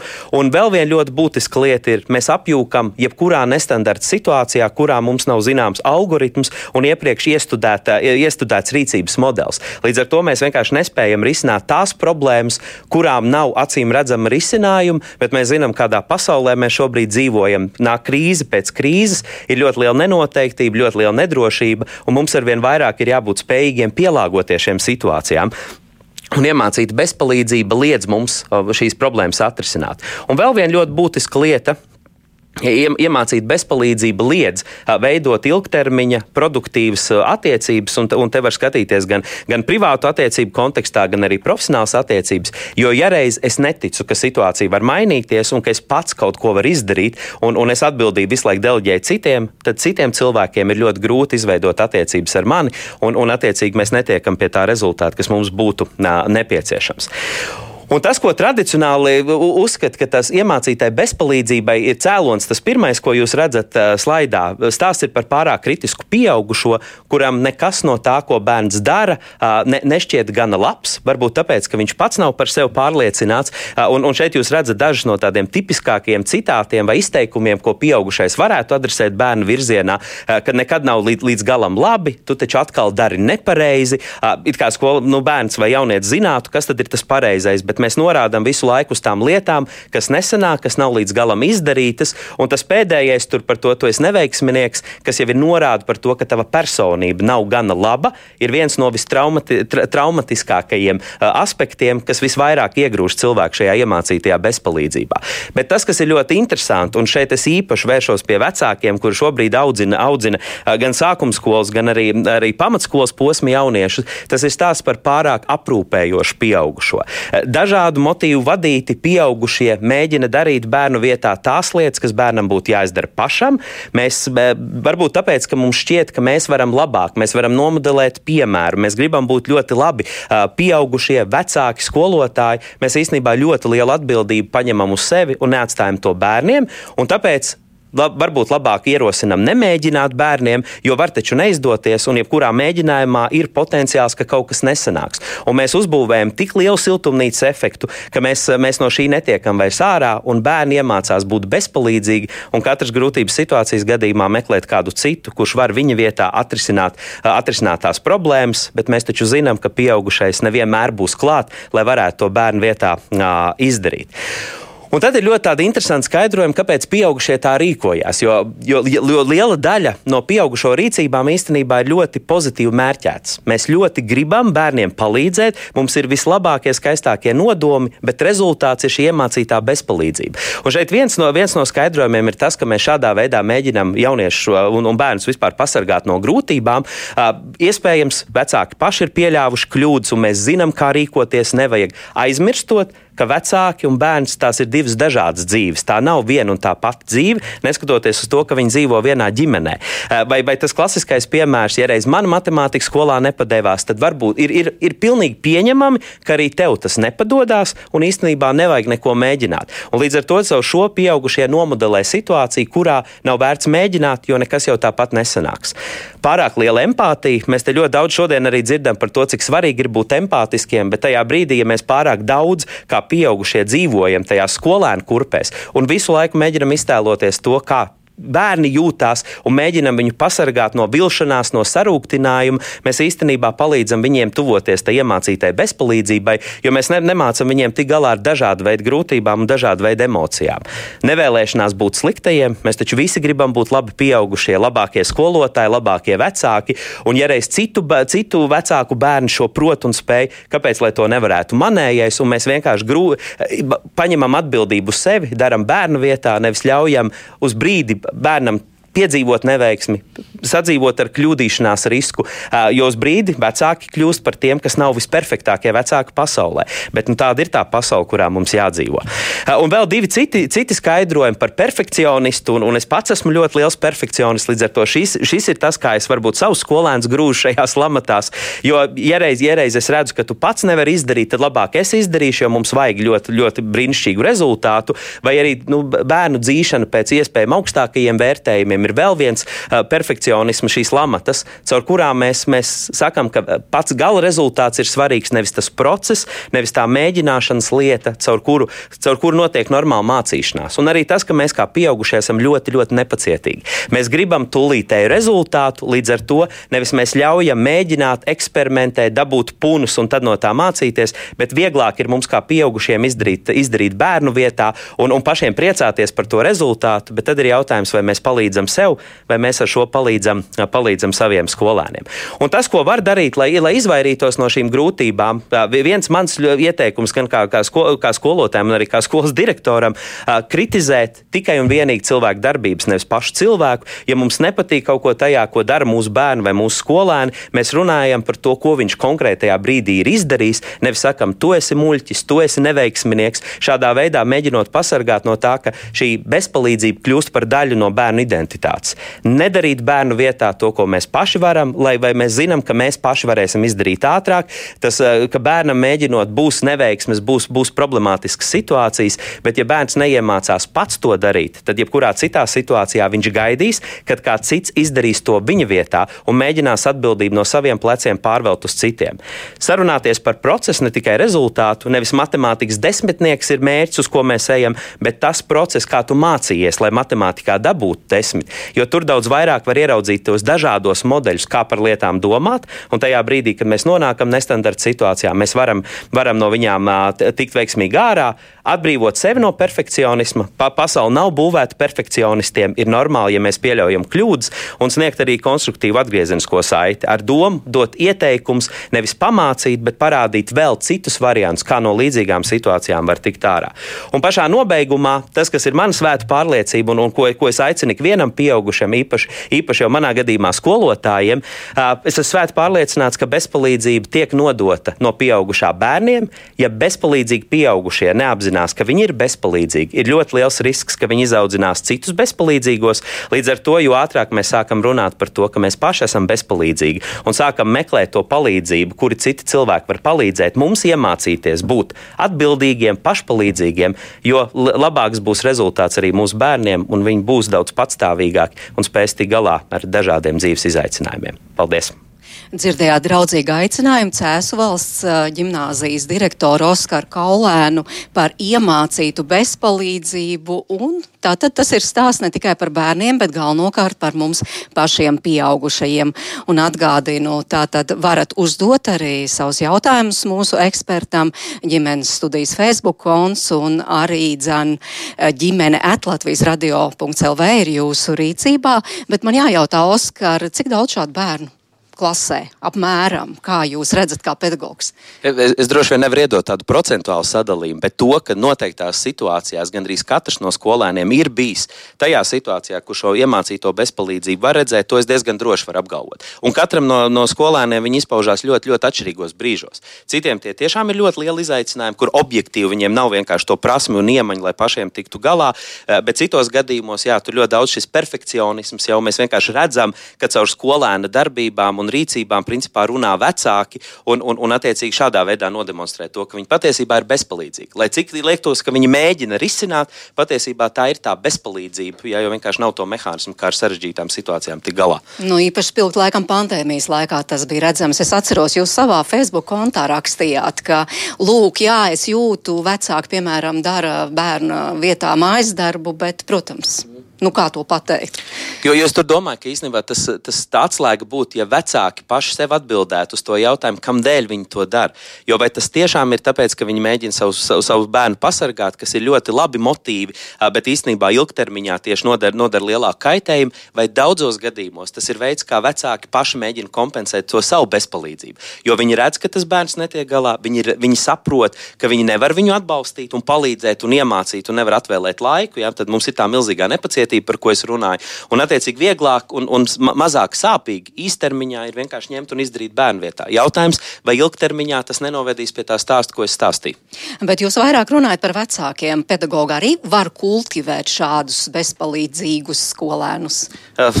Pilnīgi noteikti. Un, un tas, kas ped pedagogiem tur uz viņiem attiecās, gan tā perfekcionisma lieta, gan arī tas, ka mēs esam ļoti, ļoti nepacietīgi. Protams, pedagogs neizdarīs vienmēr skolēnu vietā un mēģinās tā diezgan tieši to atbildēt atbildību deleģēt skolēniem un teikt, ka tas viņiem, viņiem ir jātiek pašiem ar to galā. Bet, ja skolotājiem nav tās stratēģijas un tie paņēmieni, ko iemācīt bērnam, lai tiktu galā ar grūtībām, vai arī skolotājs pats netiek ar grūtību situāciju galā un vienmēr meklē vainīgos, atbildīgos, ja šis ir direktora jautājums, tas ir vecāku jautājums, tie bērniem pašiem jādara. Mēs vienkārši rādām nepareizu piemēru, ka situāciju var risināt, vienkārši atbildību pārceļot no sevis uz citiem cilvēkiem, un šādi it kā problēma risinās. Bet īstenībā pieaugušie, nu, šajā gadījumā tiešām skolotāji skolotāji signalizē, ka viņiem nav mehānismu, kā tikt ar grūtību situāciju galā, un viņi vienkārši iemāca bērniem, ka šis ir pilnīgi normāla praksa, lai gan es tā neuzskatu. Bet kā tad vajadzētu? Nē, nu vajadzētu, ja skolotājiem pašam būtu jābūt tik, tik izglītotam, ka viņš zina tās dažādas stratēģijas, vai, piemēram, paprasīt palīdzību, parādīt, kā citos veidos šo situāciju var darīt, un būt gatavam, ka gala rezultāts skolēna izpildījumā varētu nebūt līdz galam perfekts. Un pieņemt to, ka jā, šobrīd tas ir mācīšanās process, un mēs varam pēc tam strādāt ar šo lietu, lai aizvestu viņu līdz perfekcijai. Bet daudz skolotāji, diemžēl, grib uzreiz tūlītēju izcilu rezultātu, un ja viņi nevar to nodemonstrēt, tad visticamāk viņi bērniem var likt justies slikti un, un šādā veidā pagrūst viņus mazliet tajās, tajās lamatās par bezpalīdzību. Nu, savā ziņā tā sistēma ir tāda, gal galā labāk atzīme, tu tiec prestižākā skolā, pēc tam augstskolā, par kur nav jāmāca, jāmaksā un tam līdzīgi.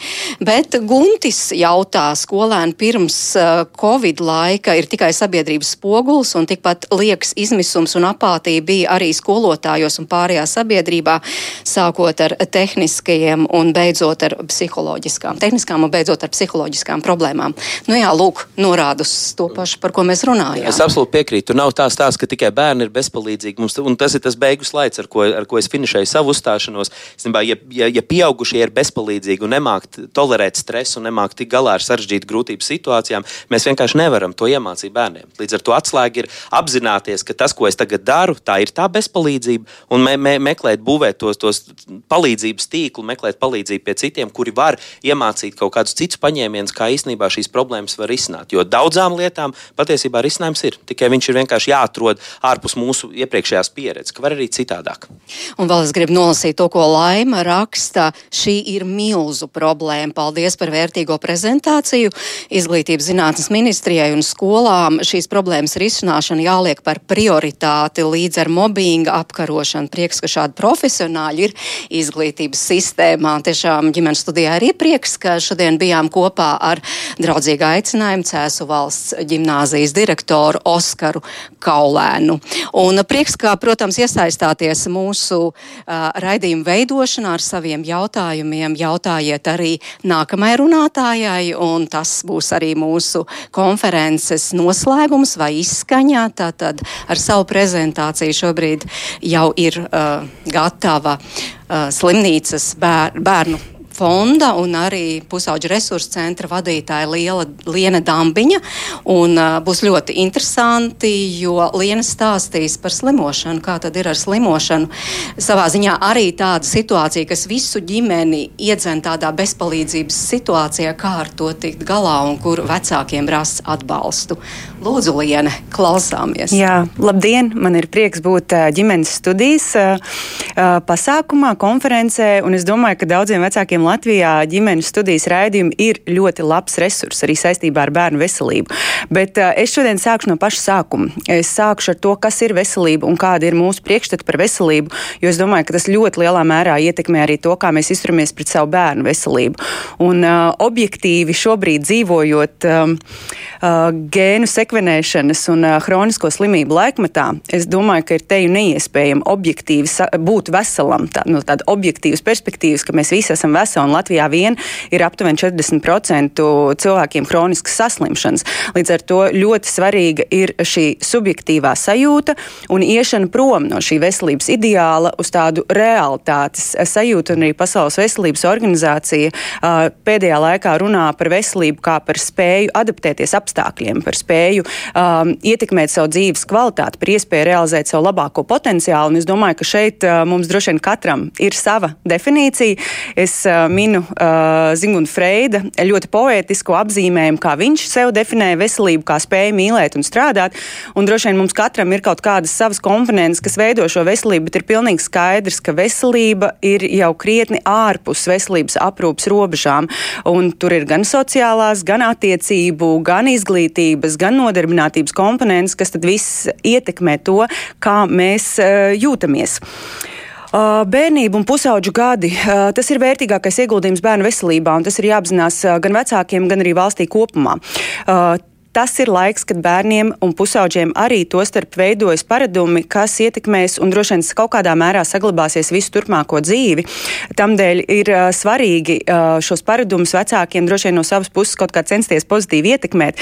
Uh, tur būs arī paradumi, kas ir ļoti cieši saistīti ar veselību. Tas ir uzturs, tās ir fiziskās nodarbes saistībā ar mentālo veselā, veselību. Man liekas, ļoti svarīgi ir attiecību veidošanas prasmes, problēmu risināšanas prasmes kopumā socializēšanās prasmes, kas tad varētu būt vecāka izglītības iestāžu, citu pieaugušo loma, kā ietekmēt, lai bērniem šie paradumi, šie priekšstati veidoties po pozitīvi. Savukārt no valsts puses un runājot par bērniem, kuriem ir veselības grūtības, uh, ir pierādīts, ka šis ir visefektīvākais ieguldījums no valsts viedokļa tieši šo bērnu veselībā.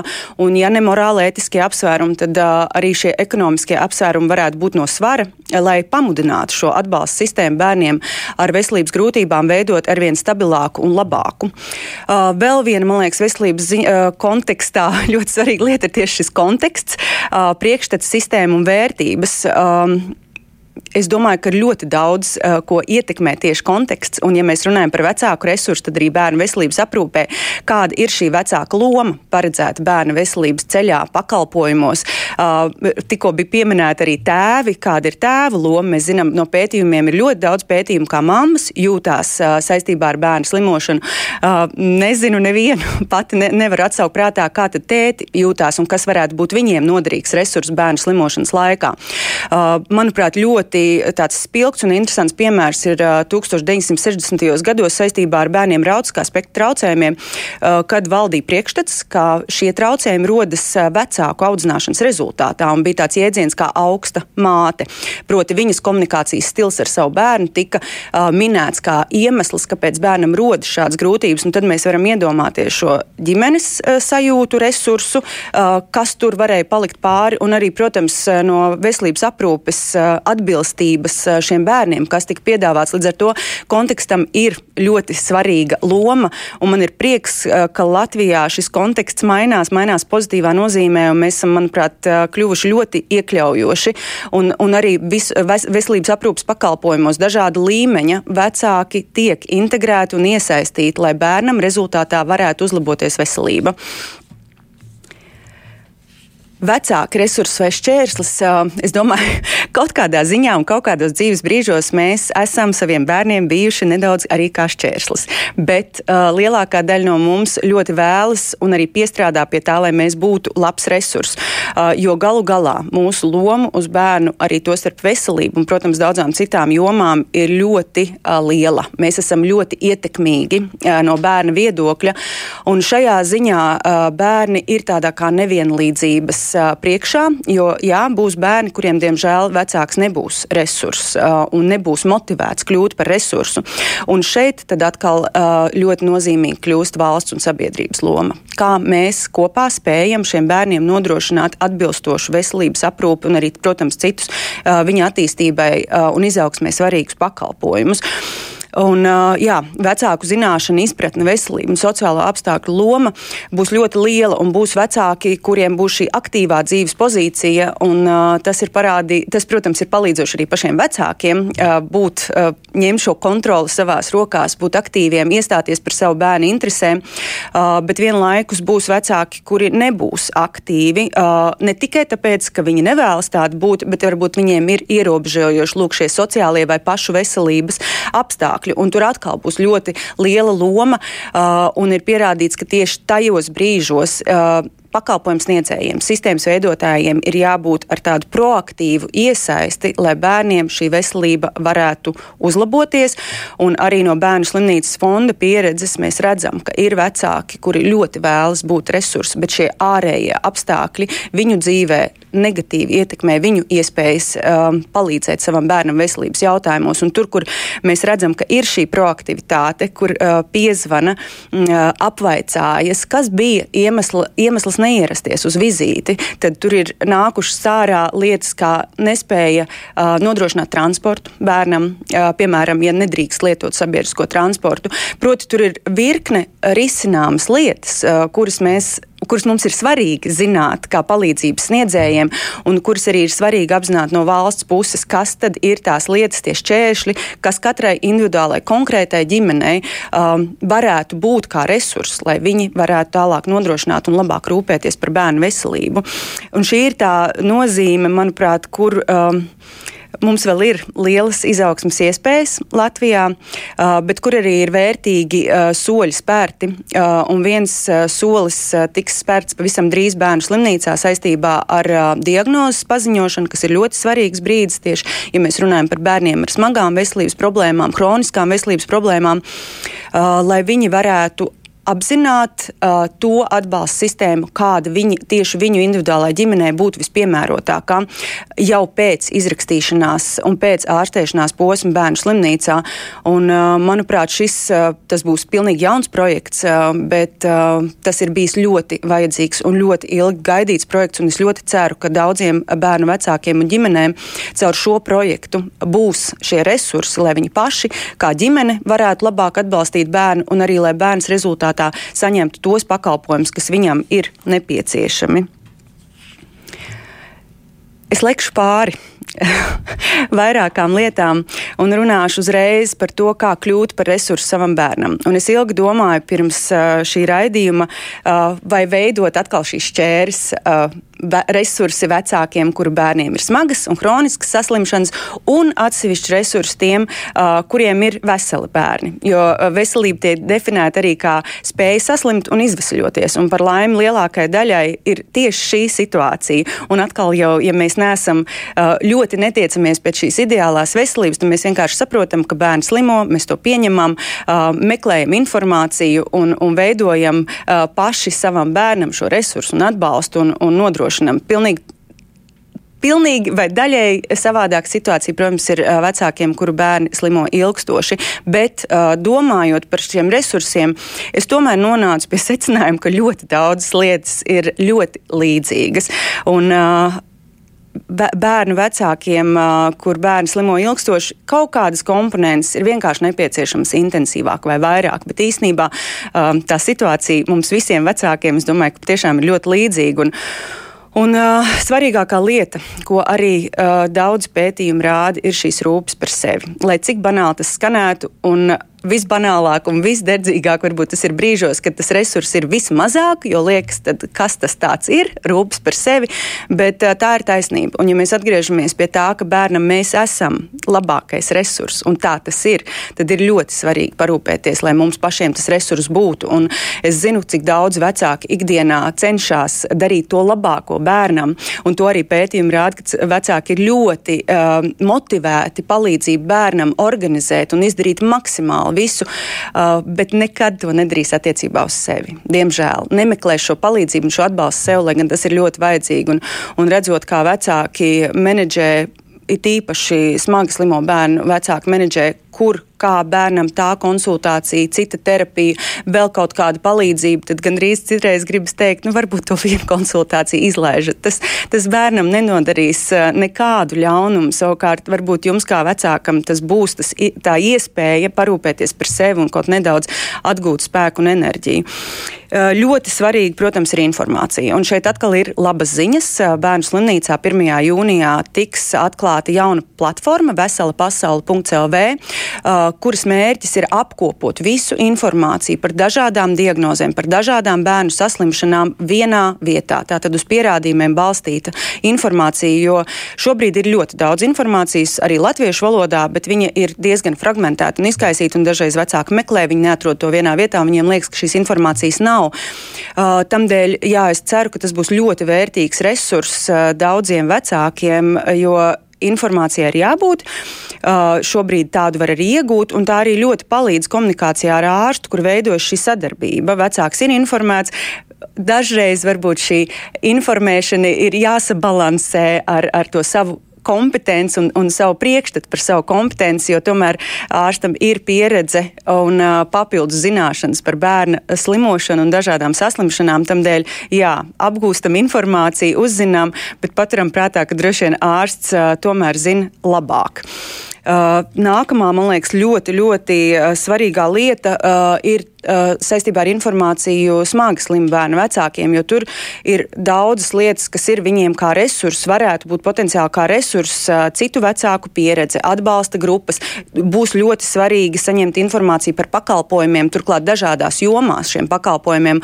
Un tur atkal mēs kā Bērnu slimnīcas fonds esam veidojuši uh, vietni atbalsta ceļvedes.lv. Šobrīd ir apkopota informācija par bērniem ar diabētu un ar kustību traucējumiem. Procesā ir informācija bērniem ar autismu autistiskā spektra traucējumiem un uh, nepilngadīgām grūtniecēm.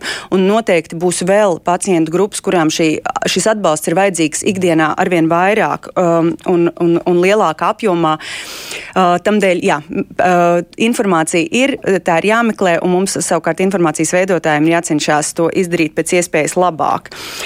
Pakalpojumi ir ļoti svarīga lieta, jo, lai cik daudz būtu informācijas, ja tur pretim nav pakalpojums, kas var reāli palīdzēt, turklāt ne tikai veselības aprūpē, bet arī izglītībā un sociālajā ziņā, tad būs, tad arī informācija nepietiks. Un pakalpojumi šobrīd veidojas. Ir runa par gadījumu vadītāju, kas būtu ļoti svarīgi bērniem ar smagām saslimšanām, bet tāpat veidojas ar vien jaunu sabiedrībā balstīti pakalpojumi un ir šī izpratne iet prom no lielām institūcijām un iet tuvāk uh, cilvēku dzīves vietai un nodrošināt to pakalpojumu uh, pēc iespējas tuvāk atkal bērnam un vecākam, lai saglabātu šo ģimenes resursu un tas resurs netiktu veltīts daudzām lietām uh, saistībā ar loģistiku un, un, un bērna nogādāšanu turp šurp vai šī pakalpojuma meklēšanu vide, tātad apstākļi, kas palīdz, um, nevis traucē. Un šeit es gribu uzsvērt nodarbinātību, par ko reti runā um, bērnu vecāku kā resursu kontekstā, bet kas ir citviet apliecinājis sevi kā ļoti svarīgu veselības komponentu, proti, ja vecākam ir darbs.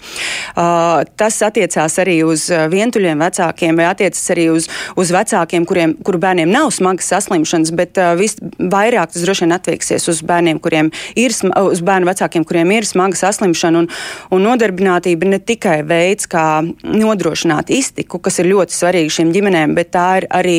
Um, pašapziņas uh, iegūšanas veids, tas ir socializēšanās veids, tas ir stresa mazināšanas veids. Tā, tā par to liecina pētījumi, un tāpēc ļoti svarīgi būtu plānojot atbalsta pasākumus šiem bērniem, domāt arī par vecāku nodarbinātību. Organizācija, jā, ir svarīgi būt aktīviem, piedalīties, mēģināt labot, būt, labot to, kas ir slikti, veidot kaut ko jaunu. Un šeit, man liekas, Latvijā jau ir izveidojusies ļoti vērtīga un laba prakse, un daudz vecāki ar savu balsi ir ļoti daudz ko izdarījuši. Bet pats svarīgākais ir cilvēcība. Un to rāda arī Bērnu slimnīcas fonda pieredze. Eh, tieši šī cilvēcība, ko mēs varam sniegt viens otram, uzklausot, nedomājot, ka tikai šī palīdzība uh, saistībā ar bērnu slimošanu ir iespējama iestādēs vai organizācijās vai pie speciālistiem. Nē, uh, viņi ir iespējami pie katra no mums, un šīs attiecības ir vislielākais resurs. Gan mana personīgā pieredze par to liecina, gan arī mana profesionālā pieredze Bērnu slimnīcas fondā. Un noslēgumā es gribu teikt sirsnīgu paldies visiem vecākiem par viņu balsi, kas ir ļoti daudz ko mainījusi Latvijā, un arī par viņu piemēru, izturību un drosmi. Paldies, vecāki! Savukārt ģimenes studija saka mīļi paldies Lienai Dambiņai, bērnu slimnīcas fonda un arī pusauģu resursu centra vadītājai.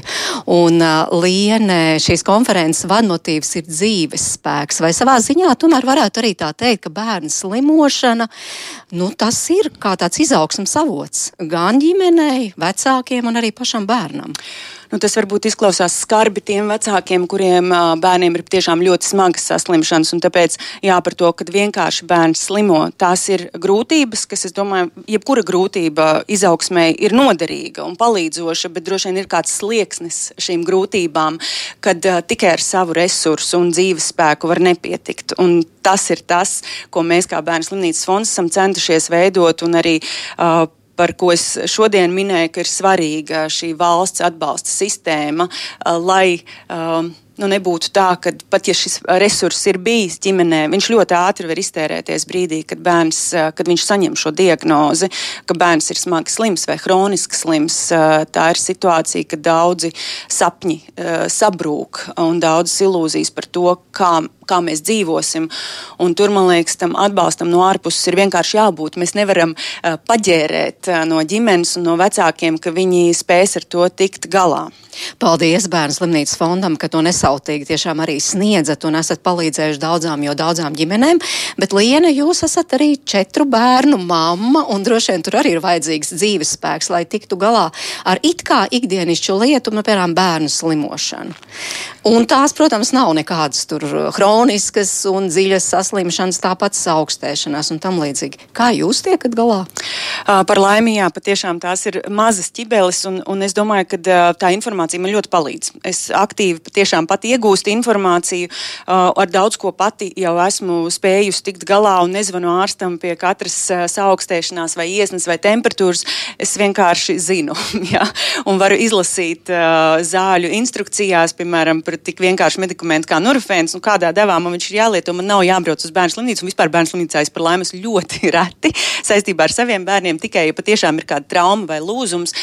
Uh, bet, uh, jā, ir, man liekas, tas arī ir svarīgi vecākiem apzināties, ka mēs varam būt resursi arī bērnu slimošanas laikā, ne tikai tāds resurs kā atbalsts, bet kā arī praktiski ļoti daudz ko mēs varam paši nodrošināt. Jā, un droši vien slimnīca ir pēdējā vieta, kur ir jābrauc patiešām, nu, tad, kad ir kaut kas ļoti, ļoti nopietns noticis. Un, protams, nerunāsim par slimnīcu, bet tomēr visu ģimeni taču izsit no līdzsvara. Bērns saslims, bijām ieplānojuši, piemēram, šajās brīvdienās braukt tur un tur un tur, darīt to un to. to. Bērns saslims, visi plāni pagalām, vai arī bērnu dārzs, un vecākiem jāiet uz darbu un atkal ķibeles.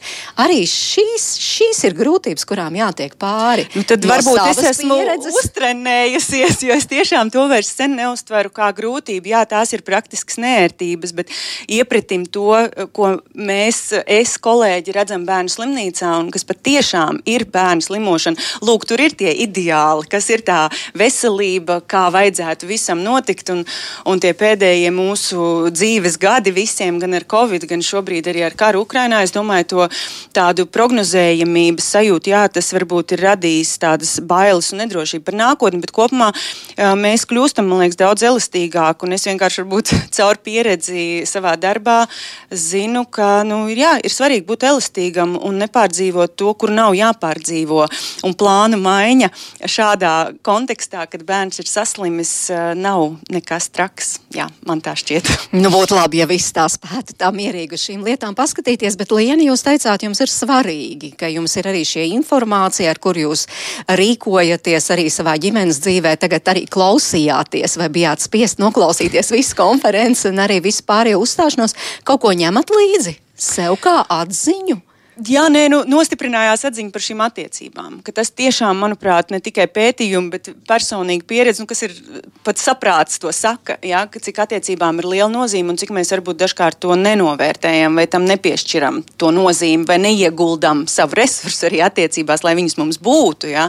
Bet jā, nē, nu, tas, tas, kas izskanēja, man likās, pirmkārt, es kaut ko jau zināju, un tā arī droši vien tā man profesionālā lieta visu laiku interesēties un arī saistībā ar mentālo mentālo veselību un attiecību veidošanu, bet uh, es redzu, ka ir tas resurss uh, kļūst. Uh, lielāks, plašāks, jā, vecākiem varbūt kaut kādā ziņā pieejamāks, uh, kas ir ļoti labi. Jā, jo, jo atkal jau no tā ieguvējs būs arī bērns. Ne tikai mēs paši, kā vecāki, jutīsimies labāki, stabilāki, drošāki, bet bērns būs tas ieguvējs.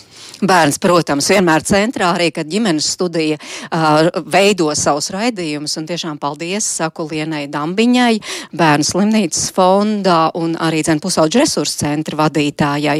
Un es atgādinu visiem klausītājiem, ka uh, dzirdējāt ne tikai Lieni Dambiņu, viņas uzstāšanos, uzstāšanos šīs dienas ģimenes studijas konferencē, bet dzirdējāt arī Baibu Martinsoni, Lauri Bokišu, Aivitu Putniņu un Oskaru Kaulēnu. Un es ceru, ka tas patiešām bija ļoti, ļoti vērtīgi. Daudz informācijas, gan pārdomām, gan arī varbūt savā dzīvē var ko pamainīt, vai ne, Agnese? Jā, ja mēs runājam par to, kas eh, mums pašām varbūt eh, šķiet tāds eh, vērtīgākais šodien dzirdētais, tad man ļoti uzrunāja profesors Martinsons teiktais, ka tad, kad vecāki ir paguruši vai izsīkuši, nu tad to dzīves spēka tīklu mūsu bērniem var palīdzēt aust arī citi pieaugušie, ar kuriem izveidojas tuvas un atbalstošas attiecības. Un vēl man ļoti simpatizē arī draudzīgi aicinājumi Cēsu valsts ģimnāzijas direktora Oskar Kaulēna teiktais, ka mērķis ir bērnam paskaidrot nevajag desmitnieku matemātikā. Ir jāanalizē, kā tu gatavojies, cik ļoti tu ieguldījies šim pārbaudas darbam mācoties. Nu, tādas praktiskas lietas šķiet. Jā, praktiskas un it kā visiem zināmas, un tomēr labi, ka kāds atkal atgādina, piemēram, Baiva Martinsona par šo, kas tad ir jādara vecākiem? Tā tad mīlestība ir tā, ko viņi var dot saviem bērniem, arī tā robeža novilkšana vai tas rāmis, kurā tad ieliek to bērnu, lai viss notiktu tā, kā būtu jānotiek, un tur arī paraugs. Nu, trīs vienkāršas lietas, bet laikam ik pa laikam sev to jāatgādina. Jā. Mums laiks beigt. Cerams, ka galvenais viss šis mums palīdzēs gaišāku skatu lūkoties nākotnē. Svarīgākais, ka mūsu konferences video jūs atkārtot varat noskatīties eh, Facebook eh, kontā, ģimenes studijas Facebook kontā. Un, protams, arī mīļš, mīļš paldies ne tikai tiem, kur klausījās un skatījās, arī tiem, kur rakstīja jautājumus un komentēja. Paldies, ka bijāt kopā ar mums. Jā. Un pie konferences tapšanas šodien ļoti cītīgi strādāja un lielākais paldies Ilzai Zvaigznei, arī Latvijas radio multimēdiju daļas komandai Ievai Zariņai, Arnoldam Auziņam, Tomam Šicam, Beātei Bērziņai, Rebekai Rozentālei, bet tiešraidz labskaņu nodrošināja Katrīna Bramberga. Un šeit pie mikrofoniem kopā ar jums bija Agnes Link un es Mairidz Notiņa. Paldies vēlreiz, ka klausījāties un atgādinājums ģimenes studija, kā vienmēr kopā ar jums Latvijas radio pirmajā programmā no diviem līdz trījiem ik darba dienu.